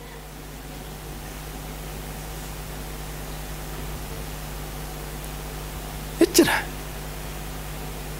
දැන් ඕගොල්ලෝ ඔයාමයි ගැහුවේ. එයාමයි බලන්න යන්නේ. යන හිතේ මුකුත් නෑ. එහිත හරි පිරිසිදුයි. අන්න ඒ වගේ ජීවත්වෙන් කොබලන් මේ කියන කතාව තේරෙනය. ඊයේ නේ උට ගැහුවේ. එතකොට ඌ මගේ හතුරවුණේ ඊයට විතරයි. අද මගේ මිතු රමක දෝක ඌමට ගහන්න ඉන්න ඉස්පිරිතාලේ. මේ ලෝකේ බරක් ලෙස දකින්න එපා. මෙ ලෝකෙ බරක් ලෙස දකින්න එපා. මේ ලෝකෙ සැහැල්ලුවෙන් දකින්න. මේ ලෝකෙ කරදරයක් ලෙස දකින්න එපා මේ ලෝකෙ ආශිර්වාදයක් ලෙස දකින්න. මුහුදේ වතුර ලුණු රසේ කියා හිතන්න එපා පිපාසයට බොන්න බැරිවේවි. මුහුදේ වත්තුර ලුණු රස නෑ කියල හිතාගෙන ඉන්න. එතකොට ඔපට පිපාසාවක් නොදැනේවී. කොබලන මම මේ කියනව පැහැදිලි අය. මූද වතුර ලුණුරහයි කියලා දැනුනොත් තමයි පිපාසාවක් ඇතිවන්නේ. ඇයි වතුර නෑ කියලා දැන් දන්න හිත. මුද වතුර ලුණුරහ නෑ. කියලා දන්න එක් කෙනාට පිපාසාවක් නෑ. මුහද වතුර ලුණුරහල් නෑ කියලා හිතන එක් කෙනාට මුහදෙන් වතුර බොන්න පුළුවන්. කොබලනුවම් මේ කියන දේවල් තේරෙන අය. මුහද වතුර බොන්න බෑ ලුණුරහයි බිව්වොත් භයානකයි මරණය සිද්ධ වෙනවා වැඩිපුර පානය කළොත් මේ වගේ නොයකුත් හිතාගෙන ඉන්න එක අනිවාර්යෙන් මුහදුවතුර බිල මැරෙනවා. කවුලන්නේ මේ මේ වතේරෙන අය. ජීවිතය කිසි දෙයක් ගණන් ගන්න එපා. කිසි දෙකට වටිනකන් දෙන්න එපා. කිසි දෙයක් මතක තියාගෙන ඒකට උත්තර දෙන්න යන්න එපා. ඒ වෙලාවට ඒ වෙලාවට ඒ වෙලාවට ජීවත්වෙන්. මෙහෙමින් කලක් ඉන්නකොට ඔගලට තේරේවි ජීවිතය හරිම සැහැල්ලුවයි. කිසිම බරක් දැනෙන්නේ. සමයිට ඕගොල ළඟඉන්න කට්ටි ඔගලන්ට බනීමේ කිසිම වගකීමක් ගන්න. එතොට කියන්න මම හිම තමයි. මමාවේ වගකීම් ගන්න නෙමේ සතුටෙන් ඉඳලා යන්න. බල මගේ වගකීම කරගෙන කරපල්ලා. මමාවේ සාපයට අස් වෙන නෙමේ ආශිරවාදය ලබන්න. මගේ ආශිරවාදය වෙනුවෙන් නුබලා ජීවත්වය අල්ලා. ජීවිතය දිහා වෙනස් විදියට දැක්කා. ඒ ජීවිතය දිහා වෙනස් විදියට දකිනකොට අන්න යා අතෙන්ටල අර ප්‍රත්‍යක්ෂයට ළඟා වෙනවා. හැබැයි දැන් මේ සියලු ධර්ම මාර්ගයේ මේ සියලු දේයා දන්නවා හැබැයි එයා යාග සිත පිළිබඳ විනිශ්චය කරන්න. ඇයි සිත පෙරලෙනවා. සිත පෙරලෙනවා. එක සාපේක්ෂකයක් ඇති. කොච්චර දහමහලා කොච්චර නිවන් මඟ වැඩුවත් ඔබ සසර ලබාගත්ත පුරුද්ධ ලෞකිකයි. කොබලන එක පැහැදිලි අය. මේ සංසාරය දිගටෝම ඔය ආත්මයට ගහලා තියෙන ලෞකික ඇන. මේ ලෝකෝත්තර යන හතරක් පහක් ගැහුවයි කියලා අර ලෞකික ඇනවල හයිය ගිහිල්ල නෑ තවම. කොයම්ම වෙලාවක හරි හිත පෙරලෙන්න පුළුවන්. හිත පෙරලුණොත් තමගේ ආධ්‍යාත්ම ජීවිතය අවසන්. ආධ්‍යාත්ම ජීවිතය අවසං වනොත් අර විදියට මැරෙන්න්න බෑ. එතකොට කෑගහලා හූ කියලා දඟලලා හතර වටේ ඉන්න උන්ට තුවාල කල්ල ඇඳනුත් වැටල තමයි මැරෙන්නේ. මිනිස්සු ජීවිතය බලාපොරොත්තු වෙන ප්‍රධානම දෙයක් තමයි සුන්දර මරණයක්. හා යහපත් ජීවිතයක්. මං උපදෙස් දෙන්නේ ඔයි දෙකට. සුන්දර මරණකට උපදෙස් දෙනෝ යහපත් ජීවිතයකට උපදෙස් දෙනවා. කවුරර කෙනෙක්ගේ උපදේශන මාලාවට හරියට සවන් දුන්නොත් ජීවිතය සුන්දරයි මරණය යහපත්. ඒ කියන්නේ ඔහු නැවත උපදින්නේ නැහැ. මරණයට දෙන සාර්ථකම උපදේශය තමයි නැවත උපදින් නැතිවෙන්න විදියට දෙන උපදේශය.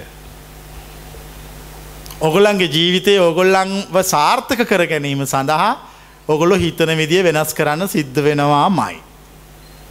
ආධ්‍යාත්ම ජීවිතය ගමන් කරන්න හෙමින් ඒ හයියේ යන්නේ නෑ. මං ඔගොල්ලන්ගේ ප්‍රශ්නයක් අහනවා. හැමෝම අහනවා හැමදාම කෝච්චිය රේල් පීලි පැනලා මේ කෝච්චිය මොකක්ද කියන්නේ මේ පීල්ලෙන් අයින් වෙලා වෙන කොහර ගිහිල්ල නැවතිලා. පීලි පැනලා. කොවලන ඒවාහපුුවයි. මෙන්න මෙහෙම නිවස් එකක් ප්‍රෘතියක් අහලා තියද. ඩක්කුව පීලි පැනලා. කවදක්කත් නෑ. ඩක්කුව පිළිපනින්න ඇයි හෙමින් යන්න. එයා හෙමින් යන්නේ. ක්‍රෝධ හතරයි තියෙන්නේ බොහෝම හෙමින් ඕනන් තල්ලු කරගෙන යන්න පුළුවන් ඩක්වේ නැගලයන්න ඕන්න දෙපැත්තෙන් එක අල්ලගෙන ගියානම් ඒවේගේමත ඩක්කුවක් පීලිපනින්නේ. එයා ට්‍රැක් එකේම යනෝ එවනට කෝච්චි පීලිපයිනෝ. මං ඔබට කියනවා ඩක්කුවක් වෙන්න කෝච්චියක් වෙන්න එපා කියලා කොබලන්න දැන් උපමාව තේරෙනය. මේ ආධ්‍යාත්මය ජීවිතය වේගෙන් යන්න බෑ. අපි දැන් අත්දැකීමෙන් දැකප එක තමා එලියට වෙලා මේක දිහා බලාන් ඉන්නකොට වේගෙන් ගේපු ඔක්කෝම රූවිත ගැහ්වා. යන්ඩ බැරි වුණ. නොයා හිටපු අය ගියා ගියපු එවුම් රුවිත ගැහුවා. එහෙම යන්ඩ බෑ. ලොකූ කයිවාරු ගහපු මිනිස්සු යම රජ්ජුරුව ළඟින් ඇවිල්ල වාඩි වුණා. එකැන උන්දලා පායට ගිය මහා කතා කියාගෙන මහාතර්ක කරගෙන කිසිම දෙයක් නොදැන කටදිහා බලාගෙන හිටපු මිනිස්සු සුවර්ගයට ගයා. මේ ලෝක හැමදාම සිද්ධ වෙන මහාමුතු දේවල්. ඒවා අසාමාන්‍යයි.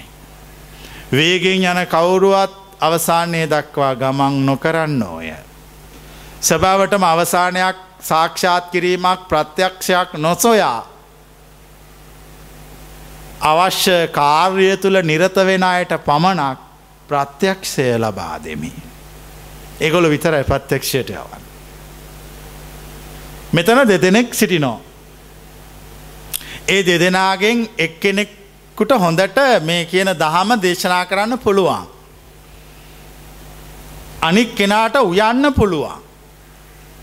කවුරරි මට මේ දෙන්නම ඉස්සරහට ගෙනල්ල මගෙන් අහනවා මේ දෙදෙනාම ඔබ කෙරෙහි භක්තියෙන් සිටිනෝ. මෙයාට ඔබ ඔබ ඔබ දෙසන බණ මෙයාට කියන්න බෑ එයා දන්නේ උයන්න විතරයි මෙයාට ඔබ දෙසන බණ හොඳට කියන්න පුළුවන්. මගෙන් අහනවා මේ දෙදෙනගේ අවසානය ඔබ විමුක්තිය දෙන්නේ කාටද කියලා. මම එතකොට අර උයන්න පුළුවන් එක් කෙන පෙනල කෙනවා මම විමුක්තිය දෙන්නේ මෙයාට. මූ බණ කොහොමත් දන්නනේ ඌට ඌට හොයාගන්න කියාපා. මූ කලේ උයපු එක විතරනේ වෙන කිසිම දෙයක් දන්නෙත් නෑනේ එනිසා මං මුගේ පැත්ත ගන්නවා. මං හමහරිම සමාජවාදී රජ කෙනෙක්. දුරුවලය පැත්ත ගන්නේ. ශක්තිවන්තය පැත්ත ගන්නේ. එයාට තනිය විමුක්තිය හොයා ගන්න කියන. නැවත සංසාරයට ප්‍රවිෂ්ට වෙලා බුදුවරු මුණ ගැහිලා බෝසත්වර මුණ ගැහිලා විමුක්ති මාර්ගය වඩපු අයගෙන් විමුක්තිය ගැන අහගෙන අවුරුදු ලක්ෂ ගානක් මේ සංසාර ඉපදිපති මැරිමැරි ගමන් කර කර විමුක්තිය හොයාගන්න කියලයා සංසාරයට එකතු කොරවුණු. අරු සංසාරගයොත් අපාගත වෙන හින්දා ඌට කියනවා උඹ විමුක්තියට පත්වෙන්න අවසර දෙනවා කියලා. ලෝකයේ අපි අහපු සියලුම ආගම්වල.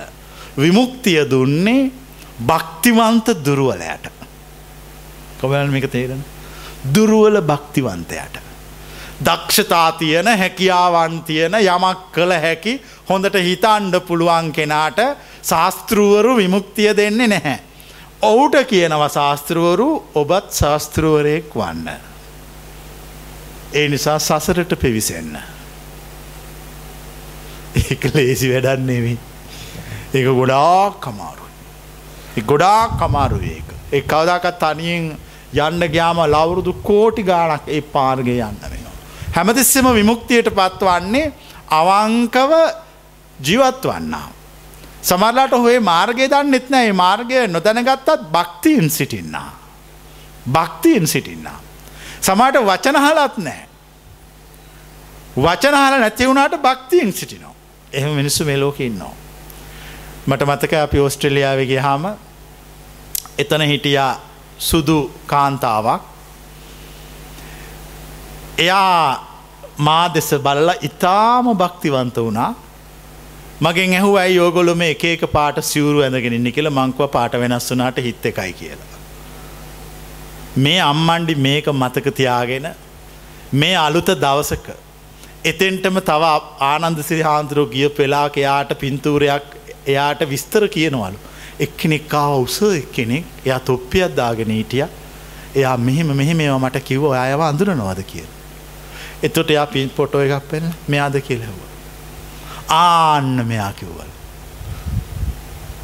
එච්චර ඇති එයාට මං වැඩි කතා කරන්න දන්නන්න වචනයක් කරන්න යාර පින්තූරය මතකතියාගෙන පින්තූරය හොය හොය එන හැමෝගෙන් මහනුව මේ මෙයා ඔවා මෙයා දන්නවද. මෙහෙම කෙනෙක් ඉන්නවද. කවු දෙයක්. ඉට පස කතා කල කොළු මට එයා හම්බෙන්න මෙහ එන්ඩ ඕන කියලා. ඉතින් ඉවර එච්චර. එච්චර සද්ධාව. ඉතින් මට තේරෙන සද්ධාව එච්චරයි. එයත් එයා විමුක්තියට සුදුසුයි. කැන එයා මේ මහා දේශනා මොකක්කත් දන්නෙත් නෑ සුන්්‍යතාවේ දන්නෙත් නෑ එයා මම දැකල තියෙන එච්චර. එක දවසක් එකම වෙලාවක් දැකල තියෙනවා. ඒ දැකපු රූපය හොයාගෙන ලෝක හැම තැනම පෙරල පෙරල යනවා. මෙහි මීටිය දැක්ක කොහෙත් දන්න දැම්මට හොයන්න ඕන පින්තුර ඔයෝය බල බල යනවා. එ විමුක්තියට පත්වෙනවා. ඒක තමයි විමුක්තිය. එච්චරයි. ඒ රූපය දැකළ විමුක්තිය සොයනවා. එච්චරයි. ඉතින් මහාලොකු දර්ශනික කතන්දර මම දන්න විමුක්ති මාර්ගය මුකුත් නෑ. ඒක හරි සුන්දර ලස්සන පුංචි කතාවක්. ඒක මම කියන්නේ කෙටි කතාවක්. ඒක නවකතාවක් කරගන්න යන්න එපා. විමුක්ති මාර්ගයේ නවකතාවක් වන්නේ භක්තිය අඩු කෙනාට. විමුක්ති මාර්ගය දිග හැල්ලක් වෙන්නේ ශ්‍රද්ධාවක් නැති කෙනෙකුට. විමුක්ති මාර්ගයේ පුංචි කතාවක් වෙන්නේ ශ්‍රද්ධාවන්තයකුට භක්තිවන්තයකුට අදහන්නෙකුට දැන් ඕගොල්ලන්ට ඔයි කතා දෙකින් එකක් තෝරගන්න පුළුවන්. එක් කෙනෙකුට දැකලා විමුක්තියට පත්වෙනවා අනිත් කෙනා අවුරුදු හැට හැත්තෑවක් අහලා විමුක්තියට පත්වෙනවා. ඔය දෙකින් ලේසිමකක්ද. ඔය දෙගේ ලේසි දැකලා විමුක්තියට පත්වෙනවා. මිනිස්සු දහමහන්න ඕන් නෑ දැකහම් විමුක්තියට පත්වෙනවා. සිත අවධි කරගත්ත කෙනෙක් දැක්කහම එම ප්‍රමාණවත්. ජීවිතය වරදින හැම තැනකව මතක් වෙන්නේ රූපය කොබලන්න එක තේරෙනයි. ජීවිතය දිනන හැම තැනකව මතක් වෙන්නෙත් ඒ රූපය. වරදින හැම තැනකම මතක් වෙන්නෙත් ඒ රූපය. ඒ රූපය නිසා මේ ගොල්ලු මේ සංසාරයෙන් නිදහස් වෙනවා. දැන් අපට අවශ්‍ය කරන්නේ සාර්ථක ජීවිතයක් හා සුන්දර මරණයක්. ඔය දෙකටම එකම එක විදි අයි තියෙන්නේ. භක්තිවන්ත ජීවිතය. ආධ්‍යාත්මය ජීවිතය හා දුරුවලතා ගවේශණය කුද්දල ජාතකය මම කිව්වා ඉල්ලීස ජාතකය මම කිව්වා. ජාතක කතා දෙකක් ගෙන හැර දක්වමින් ඉදිරිපත් කළා. ආධ්‍යාත්මය ජීවිතයක් ගෙවන තාපසවරු මුනිවරු එගොල්ලාගේ ජීවිතය පිළිබඳ මධ්‍යස්ථව විශ්ලේෂණය කරනවා. එගොලන්ගේ ජීවිතය ආධ්‍යාත්මය ජීවිතය වරදිනකොට වරදින බවය ගොල්ලො දන්නවා. වරදිලා ඉවර වුණහම වැරදිලා ඉවර වෙච්ච බව දන්නවා වැරදුනේ වෙන කිසි කෙනෙක් නිසා නෙමෙයි මම නිසා කියලත් දන්නවා. ඒ වගේමයි මේක නිවැරදි කරගන්න පුළුවන්නෙත් මට පමණමයි කියලා එගොලො දන්නවා. ඒගොල්ල මුක්ති මාර්ගයට සුදුසුයි. ගැලවීමේ මාර්ගයට සුදුසුයි. නිවීමේ මාර්ගයට සුදුසුයි. ඒගොල්ල සදාකාලික විමුක්තියට පත්වෙනවා.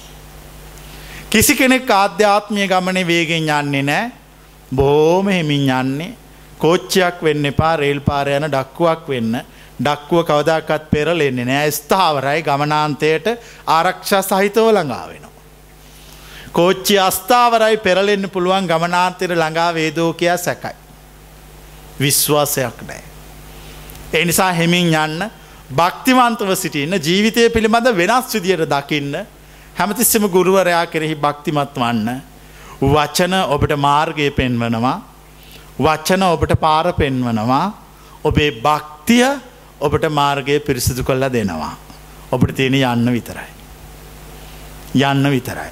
කෙනෙක්ගේ මාර්ගයේ යන්න පටන් ගත්තාම යාට අවශ්‍ය කෑම එයාට අවශ්‍ය ඇඳුම් හා එයාට අවශ්‍ය සියල්ල සුබදහම් විසින් එයාට ලබා දෙනවා. ඒ තියෙන්නේ එහෙමයි. කිසි දවසක කුරුල්ල වපුරන්නේ නැහැ. ඒ වනාට වපුරපු ගොවියන්ටත් කලින්ම කුරුල්ලෝ ඒ කුඹුරේ අස්වැන්න මුලින්ම බුක්තිවිඳිනවා. ගොවියෝ බුක්තිවිඳින්නේ කුරුල්ලො බුක්තිවිඳලා ඉතුරු වෙච්චා. කොච්චර අයිතිකාරය වනත් මුල්භාගේ බුක්තිවිඳන්න අවසර නෑ. ඒ වගේ කිසිම බලාපොරොත්තුවක් නැතුව සිටින්නාට සුබාදහම සියල්ල නොමිලේම ලබා දෙනවා ඔහුගේ පෝෂණයට අවශ්‍ය දේ පමණයි. ඔහුට එකතු කරන්න කිසිත් ලබා දෙන්නේ නැහැ. පෝෂණයට ලබා දෙනද එකතු කරන්න යන්න එපා ඔබට මන්ද පෝෂණය හැදේවී. හරි කල්පනාවෙන් අධ්‍යාත්මය ගමන යන්න. පොඩ්ඩ එහෙම වෙනකොට වරදිනෝ. පෝෂණයට ලබා දීපුදේ ඉතුරු කළොත් මන්ද පෝෂණය හැදෙනවාමයි. ඒක දුන්නේ පෝෂණය වෙන්න මිසක් ඉතුරු කරගෙන තියාගන්න නෙමෙයි. මේ මග සසර පින්කරපු අය විතරක් වඩන මගක්. ඒගොල්ලො පින් කරනකොට ඒගොල්ලන්ට නිවන් දකින අන්තිම මොහොත දක්වා අවශ්‍ය සියලු භෞතික සම්පතුත් ලබන්න ඒගොල්ලො පින් කල්ලා තියෙන්නේ. කොබලන එක පිළිගන්න අය. ඒ නිවන ප්‍රත්‍යක්ෂ කල්ල ඉවර වෙලා ජීවත් වෙනකම්ම ඒගොල්ලෝ ඒ සියලු දේ ලබන්නත් පින් කරලා තියෙන්නේ. එකතු කරන්න නෙමෙයි ඒගොල්ලො ඇවිල්ල ඉන්නේ බුක්ති විඳින්න. කොබලන් ඒක පිළිගන්නයි. ඒගොල්ලො එකතු කරන්නේ ඒගොලො බුක්ති විඳිනවා. ඒගොල්ලො හංගපු දේවල් බෙදා දෙනවා. ඒගොල්ලො තමා වඩාත්ම ආදරය කරන වඩාත්ම කැමති දෙය මුලින්ම අන් සතු කරනවා. කොබලන්න මේම පැහැදිලිය. අන්න එතකොට එයාට මංකිපු මාර්ගය විවෘත වෙනවා. එම නැතුව කවදාකත් භක්ති මාර්ගය විශ්වාසයෙන් ගමන් කළ යුතු ආධ්‍යාත්මය මාර්ගය කිස්සුකට විවෘත වන්නේ නැහැ. විවෘත කරගන්න කැමැත්ත තියෙන කෙනා තමා වඩාත්ම කැමති දෙය තව කෙනෙකුට පූජා කළ යුතුයි. හෝ මූදට දැමිය යුතුයි. දීලා හිස්සතින් පැමිණ වචන ශ්‍රවණය කළ යුතුයි. ඒ හිස්සතින් පැමිණ වචන ශ්‍රවණය කරන විට ඔහුට කිසි බරක් නැහැ මොක් නිසාද ඔහු සතු සියල්ල මුහු දෙනිසා. බරක් නැතුව ශ්‍රවණය කරන්නා සැබෑවටම ගැලවීමට හසුවන්නා. බරක් ඇතුව ශ්‍රවණය කරන්නා ගැලවීමට නොව ඇලවීමට හසුවන්නා. කිසිම බරක් නැතුව ශ්‍රවණය කරන දවස තමයි මට මගේ ස්වර්ගයේ යතුර මල්ලඟ තියෙන දවස. කොබලනේ වචන තේරෙනයි. මම කිසිම බරක් නැතුව මේ වචන අහන දවස තමයි මගේ නිර්වාණයේ ස්වර්ගයේ යතුර මට හම්වෙච්ච දවස. කිසිම බරක් නැතුව මේ වචනහන දවස. කිසිම බරක් නැතුව වචනහන දවස තමයි මට දොර විවෘත කරන්න අවසර තියෙන දවස. කිසිම බරක් නැතුව වචනහන දවස තමයි මට ඇතුල් වෙන්ඩ අවසර තියෙන දවස. ඒ දවස තමයි මගේ අවසාන දවස. ඒ දවස තමයි මම ජීවිතය උපරිම වින්දනයට පත්වෙන දවස මම ගැලවීමට හා නිවීමට හා අවබෝධයට පූර්ණත්වයට පත්වෙන දවස ඒ දවස තමයි මට අනාගතය නැතිවෙන දවස. මිනිෙකුට අනාගතය තියෙනකම්ම මේ සසර පවතිනෝ. මිනිෙකුට අනාගතය තියෙනකම්ම සසර පවතිනෝ.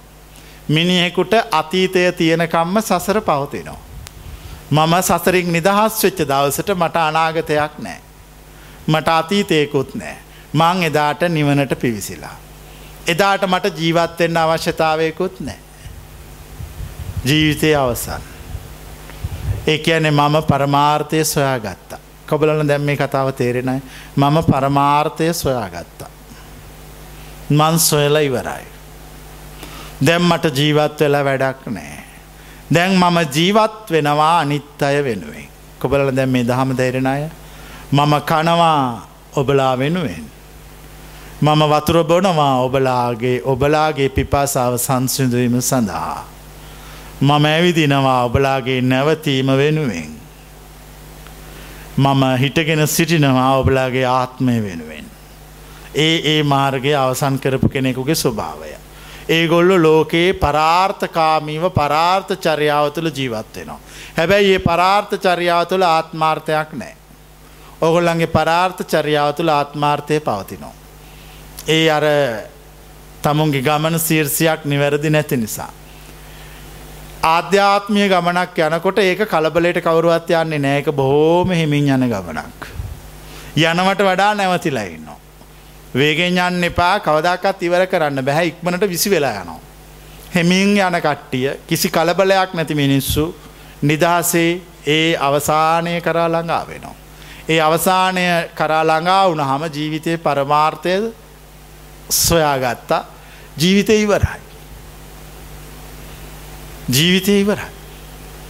එතනින් එයාට ජීවිතය මරණය පිළිබඳ අදහස නෑ එලි අඳුර පිළිබඳ අදහස නෑ සුදුකාල උසමිටි පිළිබඳ අදහස නෑ ඒ සියල්ලෙම්ම නිදහස්. එය තමයි නිබ්බාන.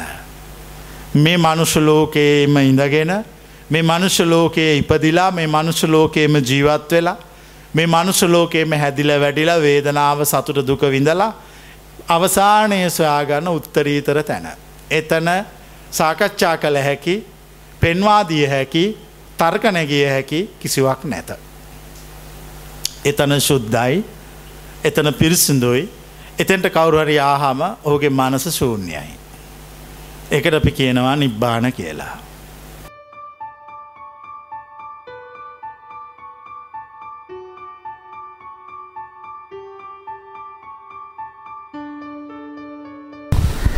සංඝයාගෙන් අවසරයි. අද දේශනාවේ මුලින්ම ස්වාමීන් වහන්සේ ශ්‍රද්ධාව ගැන පැහැදිලි කරා.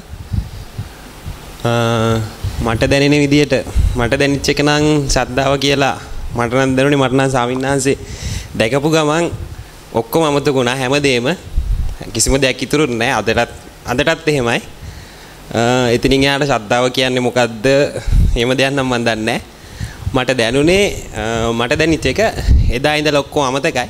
ඊට පස්සේ මෙහෙම ඉන්නකොට එක එක දේවල් හිතට එනවා. හැබැයි ඒ හැම එකක්ම මට දැනුනේ සාමින්හාසයක වචනකින් ඉවරයි. මොන හරි මොකක් හරි හිතට ප්‍රශ්නයක් ඇති වෙලා තියෙන තමුසෙට මොකද්ද වෙලා තියෙන්නේ කියලා අහුව ගමන් ඒ ප්‍රශ්නයි ඒ ඔක්කොම ඉවරයි. මට තියෙන්නේ නම් ඒ වගේ එකක්.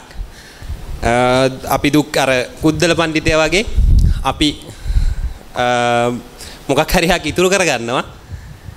ඉතුරු කරගෙන ඉවරලා ඕක සැරින් සැරේ මතක් වුණාම ඒකට යන්න හිතෙනවා.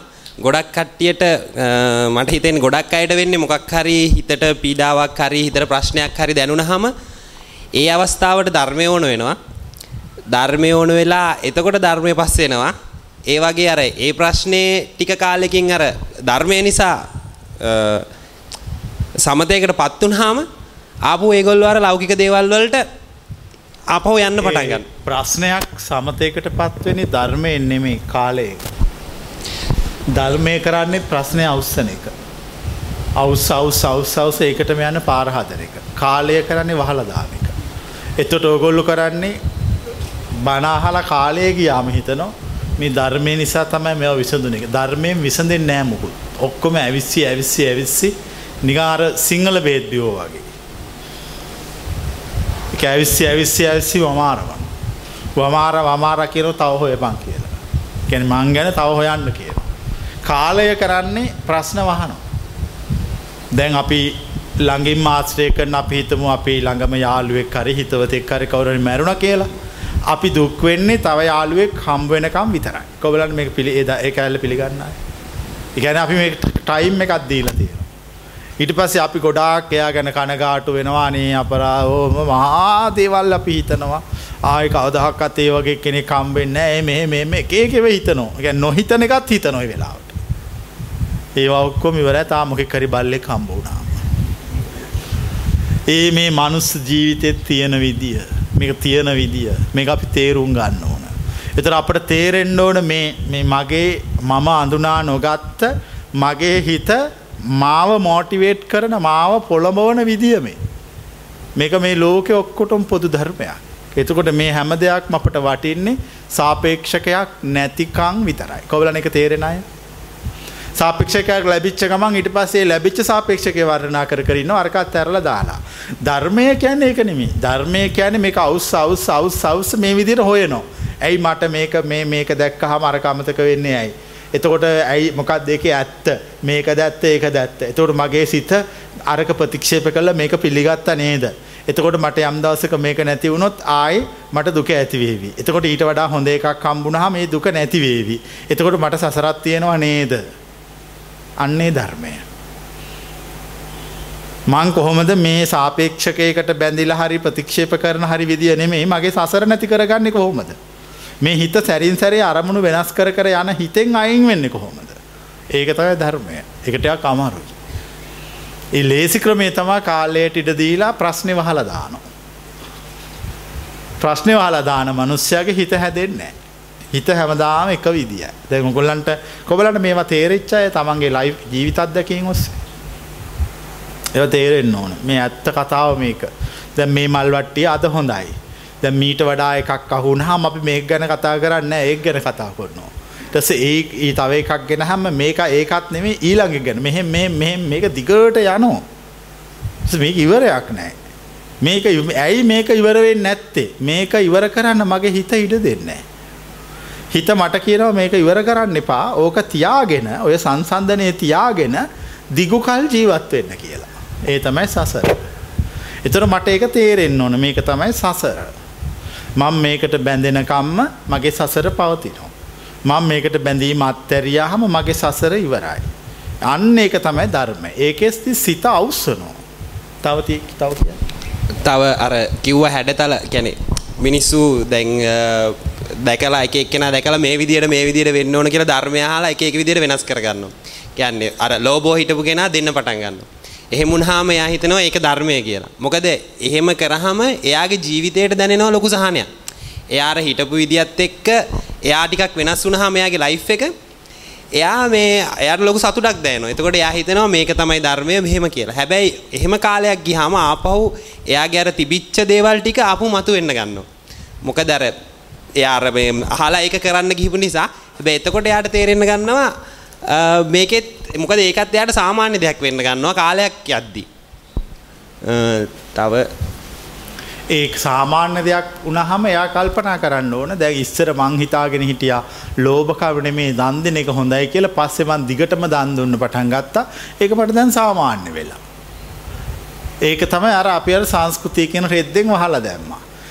කවුරු හරි හිතනවා නම් දන් දෙන එක සාමාන්‍ය දෙයක් වෙලා ඒ වුණාට ඒක ලෝභකමට වඩා හොඳයි ඒ නිසා මන් දිගටම දෙනවා කියලා අන්න ඒක තමයි ධර්මය එතකොට ධර්මයේ තියෙන කෙනා කරන්නේ මොකද්ද? සාමාන්‍ය දෙයක් බවට පත් කරගන්න නැතුව සිටිනවා.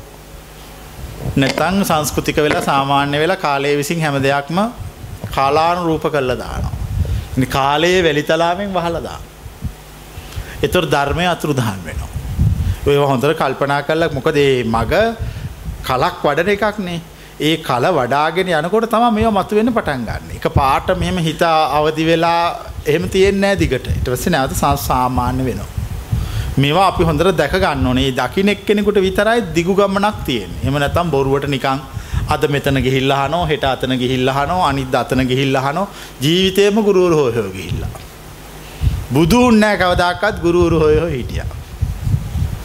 අන්න ඒක වෙනවා. ඒක වෙන්න නොවෙන්න නම් මේක හොඳට කල්පනා කළා මේ මේක තමයි ඇත්ත.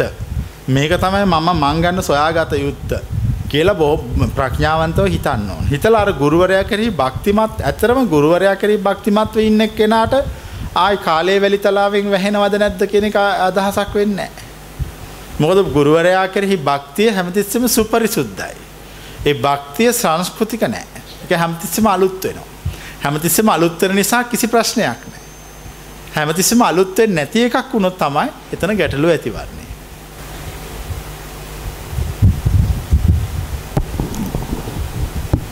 තුන් සංඝරත්නයන් අවසරයි. අද දේශනාවෙන් මට ගොඩක් පැහැදිලි වෙච්ච කාරණාවක් තමයි අපිට ජීවිතේ විවේක විවේකයේ ලැබෙනවා. විවිධ අවස්ථාවන් වලදී විවේකයේ ලැබෙනවා.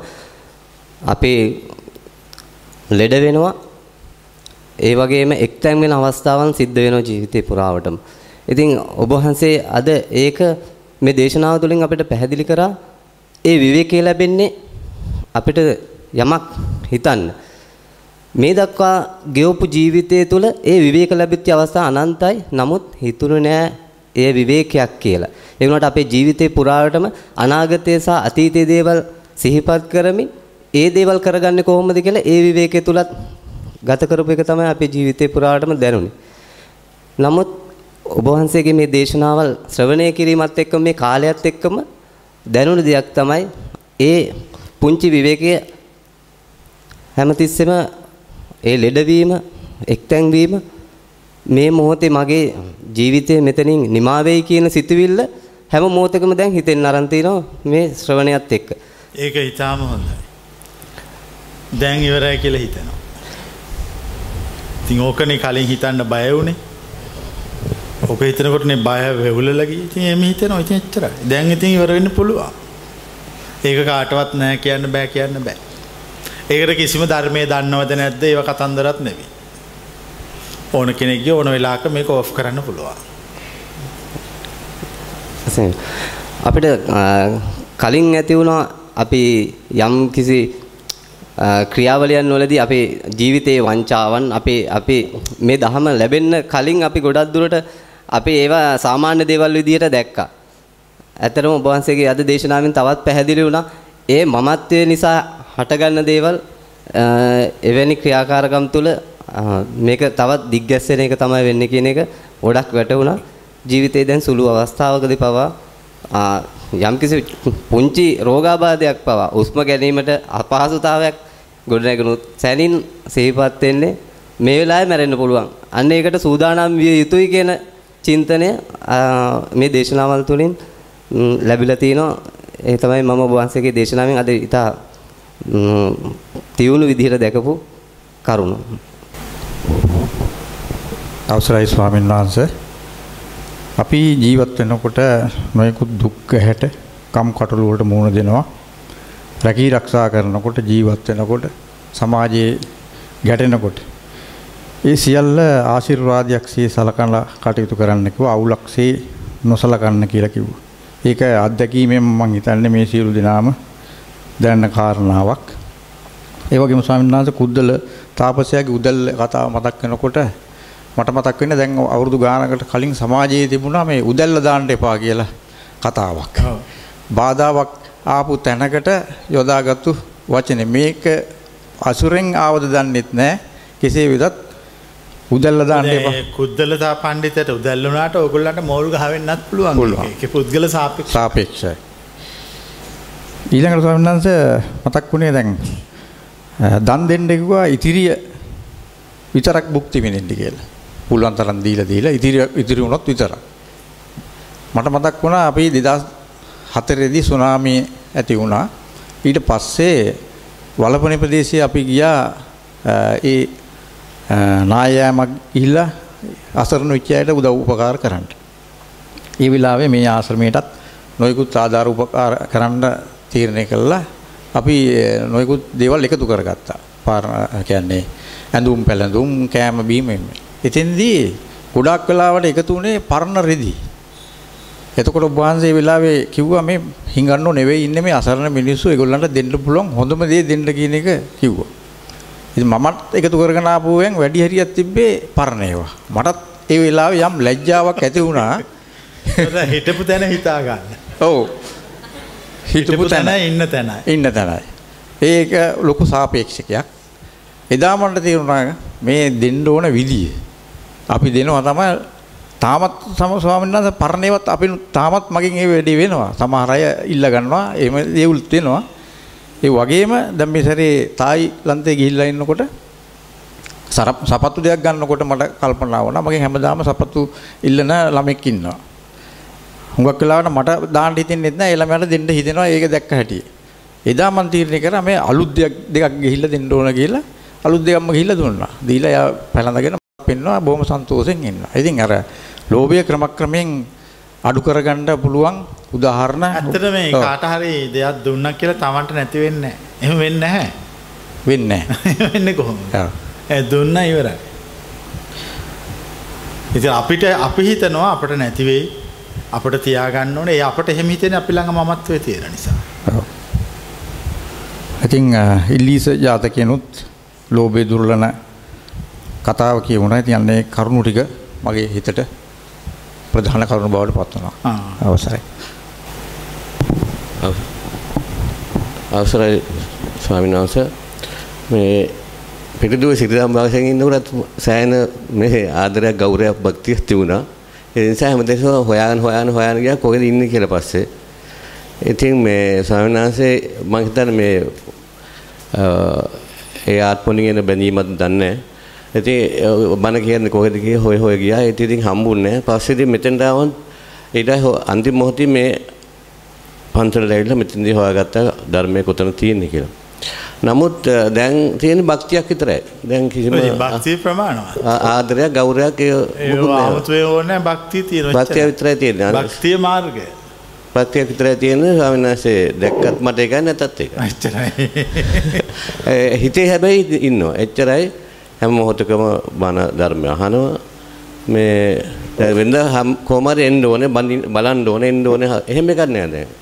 දැන් මට හිටියත් නැත්ත් භක්තිය විතරක් තියෙනවා. මොකද ඒ කියන්නේ සාංශ. ඒක හරි. භක්තිය තියුණා නම් ඇති තේච්චර ඊට වඩා 아무තු දෙයක් ඕනේ භක්තිය තියෙන කෙනාට ඉතින් කොහොමත් පාත් එක විවර වෙනවා.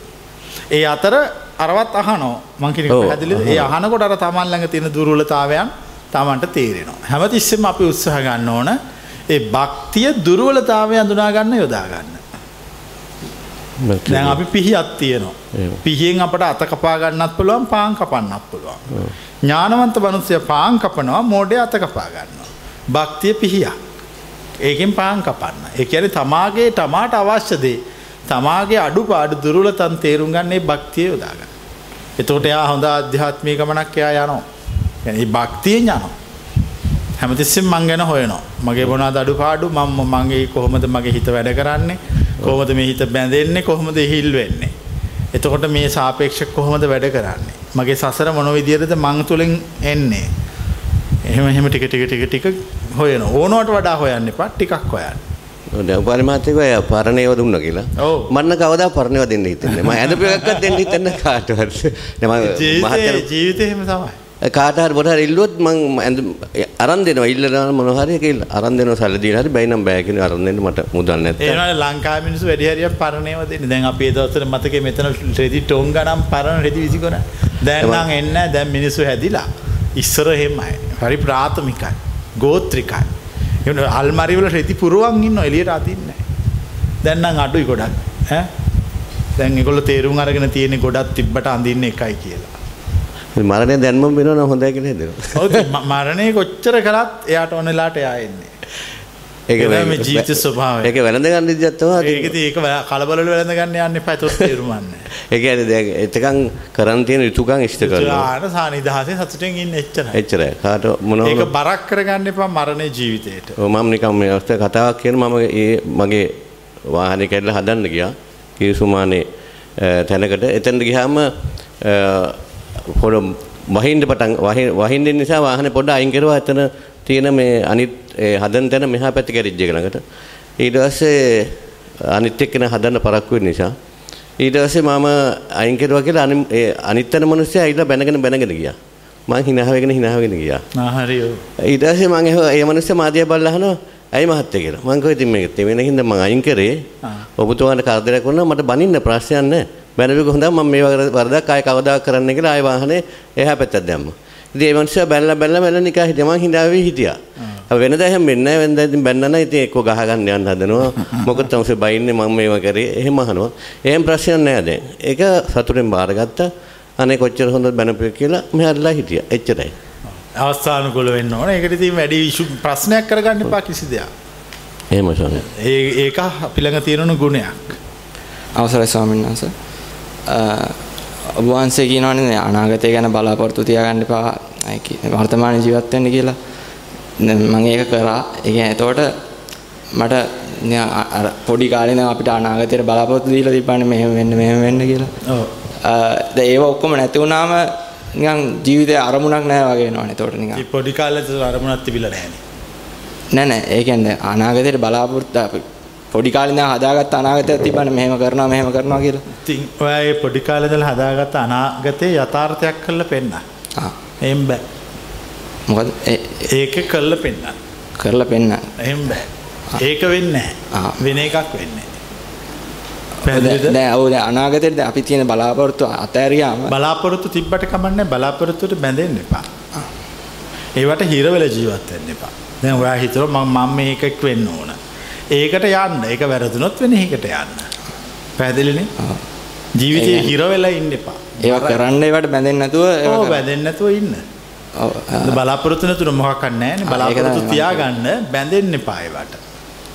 හිර වෙන්න එපා. දැන් හෙට කොහෙද යන්න තියෙන්නේ? එහෙනම් තාම මොකොත් නැහැ. තායිති ඒකනේ බලන්න කොච්චර හොඳද කියලා හෙට යන තැනවත් දන්නේ නැහැ. දැන් මේ වැඩසටහන ඉවරුනාම යන්නේ කොහෙද? එහෙනම් ගෙදර යන්න ගෙදර. යන්න හිතන් ඉන්නේ. දැන් ගෙදර යන්න බැරි වුණොත් අද වැස්සොත් ඒ කොහේ හරි ඉන්නවා. අන්න එච්චරයි. යෝග තමයි මං කියන්නේ. එහෙම මේ හිටියාමනේ අපිට සමාජයේ නිකන් පිස්සෝ වගේ නේද ඉතින් අපේ අම්මා කියනවා මේ දැන් මුළු සමාජයට පිස්සෙක් නෙවෙයි කියලායි පෙන්වන්න ඕන. නෑ නෑ අපේ අම්මලා තාත්තලා ඉන්නවනේ තාම ඒකට ඉතින් ඒගොල්ලෝ මොකෝ කියන්නේ? නමුසේ මොකද ඔය කරන්නේ පිස්සෙක් වගේ මුකුත් වැඩක් කරන්නේ වගකීමක් ගන්න නැහැ. ආ. ඒ කියන්නේ කිසි දෙයක් ගණන් ගන්න අනාගතය ගැන හිතන්නේ ගෙදරින් බයිනවා පිස්සෝ. චී ගෙදරට ඕන එකක් කියලා ඔහෙ ඔහෙ විදියට ඉන්න මොන කරදරයක්ද දැන් අම්මා කිව්වහම එහෙම කියලා පිස්සෙක් වගේ කියලා අම්මට පිස්සු නෙවෙයි කියලා පෙන්නනවා තාත්තට පිස්සු නෙවෙයි කියලා පෙන්නනවා ආච්චිට නැන්දම්මට ලොකු අම්මට බාප්පට ඔක්කොටම පිස්සු නෙවෙයි කිය කියනවා අල්ලපු ගෙදර කාට හොඳ පිස්සෙක් වගේ පේනවා එතකොට දැන් තේරෙන්නේ නැහැ මේ අරයා මෙයා කියන ඒවා කරන්න ඕනේ නැහැ. මට ඕන විදියයි මට අයිති විදිය කියලා ඒක ඒක පිළිගන්න කැමති මේ තාම අපි අම්මලාගෙන් යැපෙන්නේ. එතකොට අම්මලාගෙන් යපුණයි කියලා අම්මලා කියන විදිහට ඉන්න ඕනද? මොන වදයක්ද මේ? හරි. පැහැදිලිද? ඔව් හරි. අ, ඊ තව ප්‍රශ්නයක් තියෙනවා. දැන් අපි දැන් මේ ලෝකේ මායාවක් කියලා හිතුවාම වංශ කියලා තියෙනවා. ඒතර අපි එහෙම හිතුවාම අපිට දැන් පොඩි කාලේ දීලා ඉඳන් දැන් දීලා ඔයා ගෙදර තාත්තා හිතනවා නම් ඔයා පිස්සෙක් කියලා ඔයා ලොකු සපත්තු දෙකකුත් දාගෙන කෝට් එකකුත් ඇඳගෙන ආ මොකද කියලා ටිකක් බරසාර සොරේකින් කතා කරමින් ටිකක් ඇවිදින්න. එතකොට කියයි ලොකු මහත්තයෙක් දැන් එයා කියලා. තේරෙනවද මේ කියන එක? මිනිස්සු කියන කියන පදයට නටන්න යන්න එපා. Tamanට ඕන දේ විතරයි කරන්න.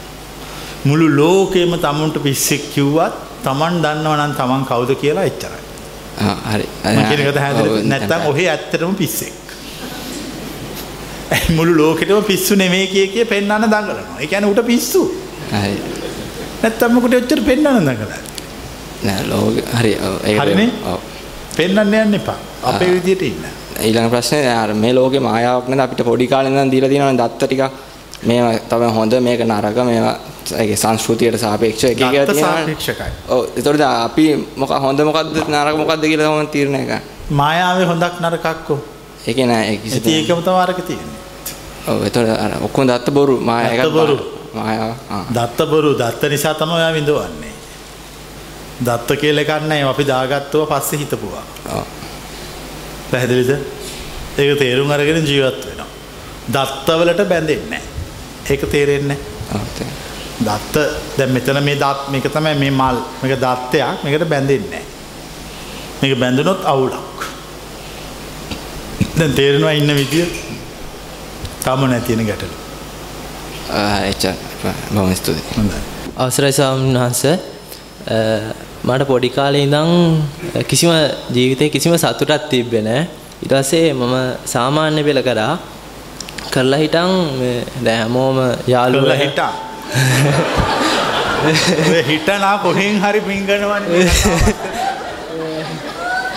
ආ ඊට පස්සේ- කළා කියන්න කියන්න. හැමෝම ගැල් කෙල්ලොත් වෙනවනේ. දැන් මටත් ආසයි තුනක් දැන් කරලා බලන්න මොකක්ද කියලා. ඊට පස්සේ මේ යාළු වුණා. යාළු වෙලා වැඩි කල් තිබ්බෙත් නෑ බූට් එකක් කෑවා. කාලා දැන් ජීවිතේ කලම ගිහිලා ගියා. ඊට පස්සේ අ, බුදුහාමුදුරුවෝ නිවන ගැන කියනවනේ. එහෙම ඉඳද්දි මට හොයන්න ඕන වුණා. හොයාගෙන හොයාගෙන මම හැම channel එකකම බණ අහනවා උදේ ඉඳන් හවස වෙනකන් අහනවා. වෙන වැඩක් නැතුව ඇති. වෙන වැඩක් ඊට පස්සේ ස්වාමීන් වහන්සේ මේ අහම්බෙන් එක මේ net fm එකේ හරි මේ channel එකක ස්වාමීන් වහන්සේගේ දේශනාවක් ගියා අර පටිසෝදගාමී කියන එක නඩියා සාමිදල කතා ඒක මාර විදිහට වැදුනා. ඊට පස්සේ මගේ ජීවිතයේ අත්දැකීම් මම ඒකට දාලා නිකන් සංසන්දනය කරලා බැලුවා. ඇත්තටම ජීවිතේ කිසිම ප්‍රශ්නයක් තිබ්බේ නැහැ ඊට පස්සේ. ඒ මම දිගටම ස්වාමීන් වහන්සේගේ දේශනා ඇහුවා. අහලා හිටන් කන අය. ආ කියන්න කියන්න. ස්වාමීන් වහන්සේගේ දේශනා ඇහුවා. ආ. අලා අන්තිමට අර මැදුම් පොළොන් නරුවේද ගම නෑනේ? ආ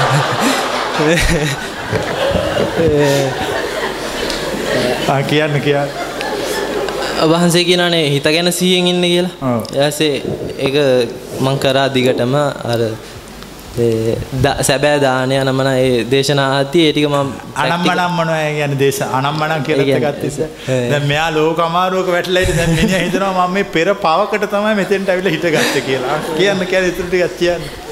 ඔහොම තමයි. මේ මං ඒ ටික ප්‍රැක්ටිකලි කරන්න ගත්තා. කරද්දී අන්තිමට මට හිතේ කිසිම දුකක්වත් සතුටක්වත් තිබ්බේ නැහැ. ඉතින් හොඳයිනේ. එකම සතුටක්. ඒක මට වචන වලින් කියන්න බෑ අතර මේ දවස්වල. ඊට පස්සේ එහෙම කාලයක් ඉඳද්දි ඒ ලෙවල් ලිව්වා. ඒ ලෙවල් ලියද්දි මම ලියද්දිම දැනගත් ලියලා ඉවරෙද්දිම දැනගත් මගේ රිසර්ච් එක මොකක්ද කියලා.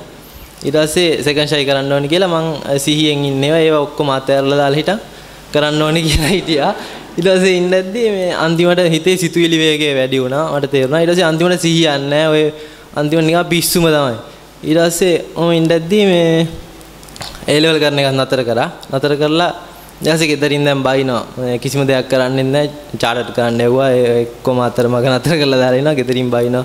පිස්සු නටනවා. මෙහෙම මෙහෙමයි කියලා බණ අහනවා. අනම්මනම් කියලා. ඒත් ස්වාමීන් වහන්සේ කෙරේ කියන්නේ විශ්වාසයක් තිබ්බ මට ඒකෙන් ගැලවෙන්න බෑ. ඊට පස්සේ මේ යාළුවෝ දැන් මේ මේක මහා කරදරයක්නේ. කරදරයක්ින්ද ඔක්කොම දමලා ගහලා යාළුවොත් එක්ක ඉන්න ඉදිරි ඉන්නවා කියලා පිස්සු කෙලින්න පටන් ගත්තා. බොණ්ඩ පුරුදු වුණා නම් මනම් එක එක දේවල් කරා. ඊට පස්සේ අන්තිමට ඒ කිසිම දෙයකින් කිසිම සතුටක් නැහැ. ඒ කියන්නේ අර මට කලින් දැනෙච්ච අර සතුට තියෙනවනේ. ඒකත් එක්ක මේ අරක මදි වගේ. ඊට පස්සේ අන්තිමට කාලයක් ඉන්නදී මට ඒ කියන්නේ හිත ගැන කිසිම ඒ කියන්නේ මට මාව පැහැදිලි නෑ මං කරන්නේ මොනවද හොඳද නරකද කියලා මට තේරෙන්නේ නෑ මං ඔහේ ඉන්නවා. ඉතලා කාලයක් ඉන්නද්දී මේ ඊට පස්සේ තමයි ස්වාමීන් වහන්සේ මං ඊට පස්සේ මෙහෙ ආවා ඔබ වහන්සේත් එක්ක කතා කරන්න ඕනි කියලා. එක දවසක් න- මේ හතරවෙනි දවසේ ඒ එක දවසක්වත් මට මෙතන ඇවිල්ලා ඉස්සරහට කතා කරන්න බැරි වුණා. ඊට පස්සේ අ, දැන් මගේ තියෙන්නේ මේ හිතේ ඒ කියන්නේ හිත දෙහා බ- ඒ කියන්නේ පැහැදිලි නෑ මට මාව ලාවට වගේ නිකන් ඒක මට අර කලින් තිබ්බ ඒක නෑ. මම එතන ඉස්සරහට මොකද්ද කරන්න ඕනි කියලා අහගන්න. දැන් ඔය එක එක දේවල් කරන්න ගිහිල්ලානේ ඔහම උනේ. දැන් මොකුත් කරන්න එපා නිකන් ඉන්න. දැන් මේ අපි ඉන්නේ ෂෝක් එකට. දැන් මෙයා එක එක දේවල් කාලෙන් කාලට කරන්න යනවා. ඊට පස්සේ ක්‍රම වෙනස් කර කර කරන්න හදනවා. ඒම ගිහිල්ලානේ ඔහම උනේ. ඔව්. නිකන් ඉන්න. ඔක්කොම ටික අතහැරලා දාලා මේ අපි වගේ hina වෙලා සන්තෝෂින් ඉන්න එච්චරයි. ජීවිතය උනට ප්ලෑන් කරන්න යන්න එපා. ඔක්කොම ප්ලෑන් අතාරින්න. නිදහස් වෙන්න. තමාගේ. එමෙ සම.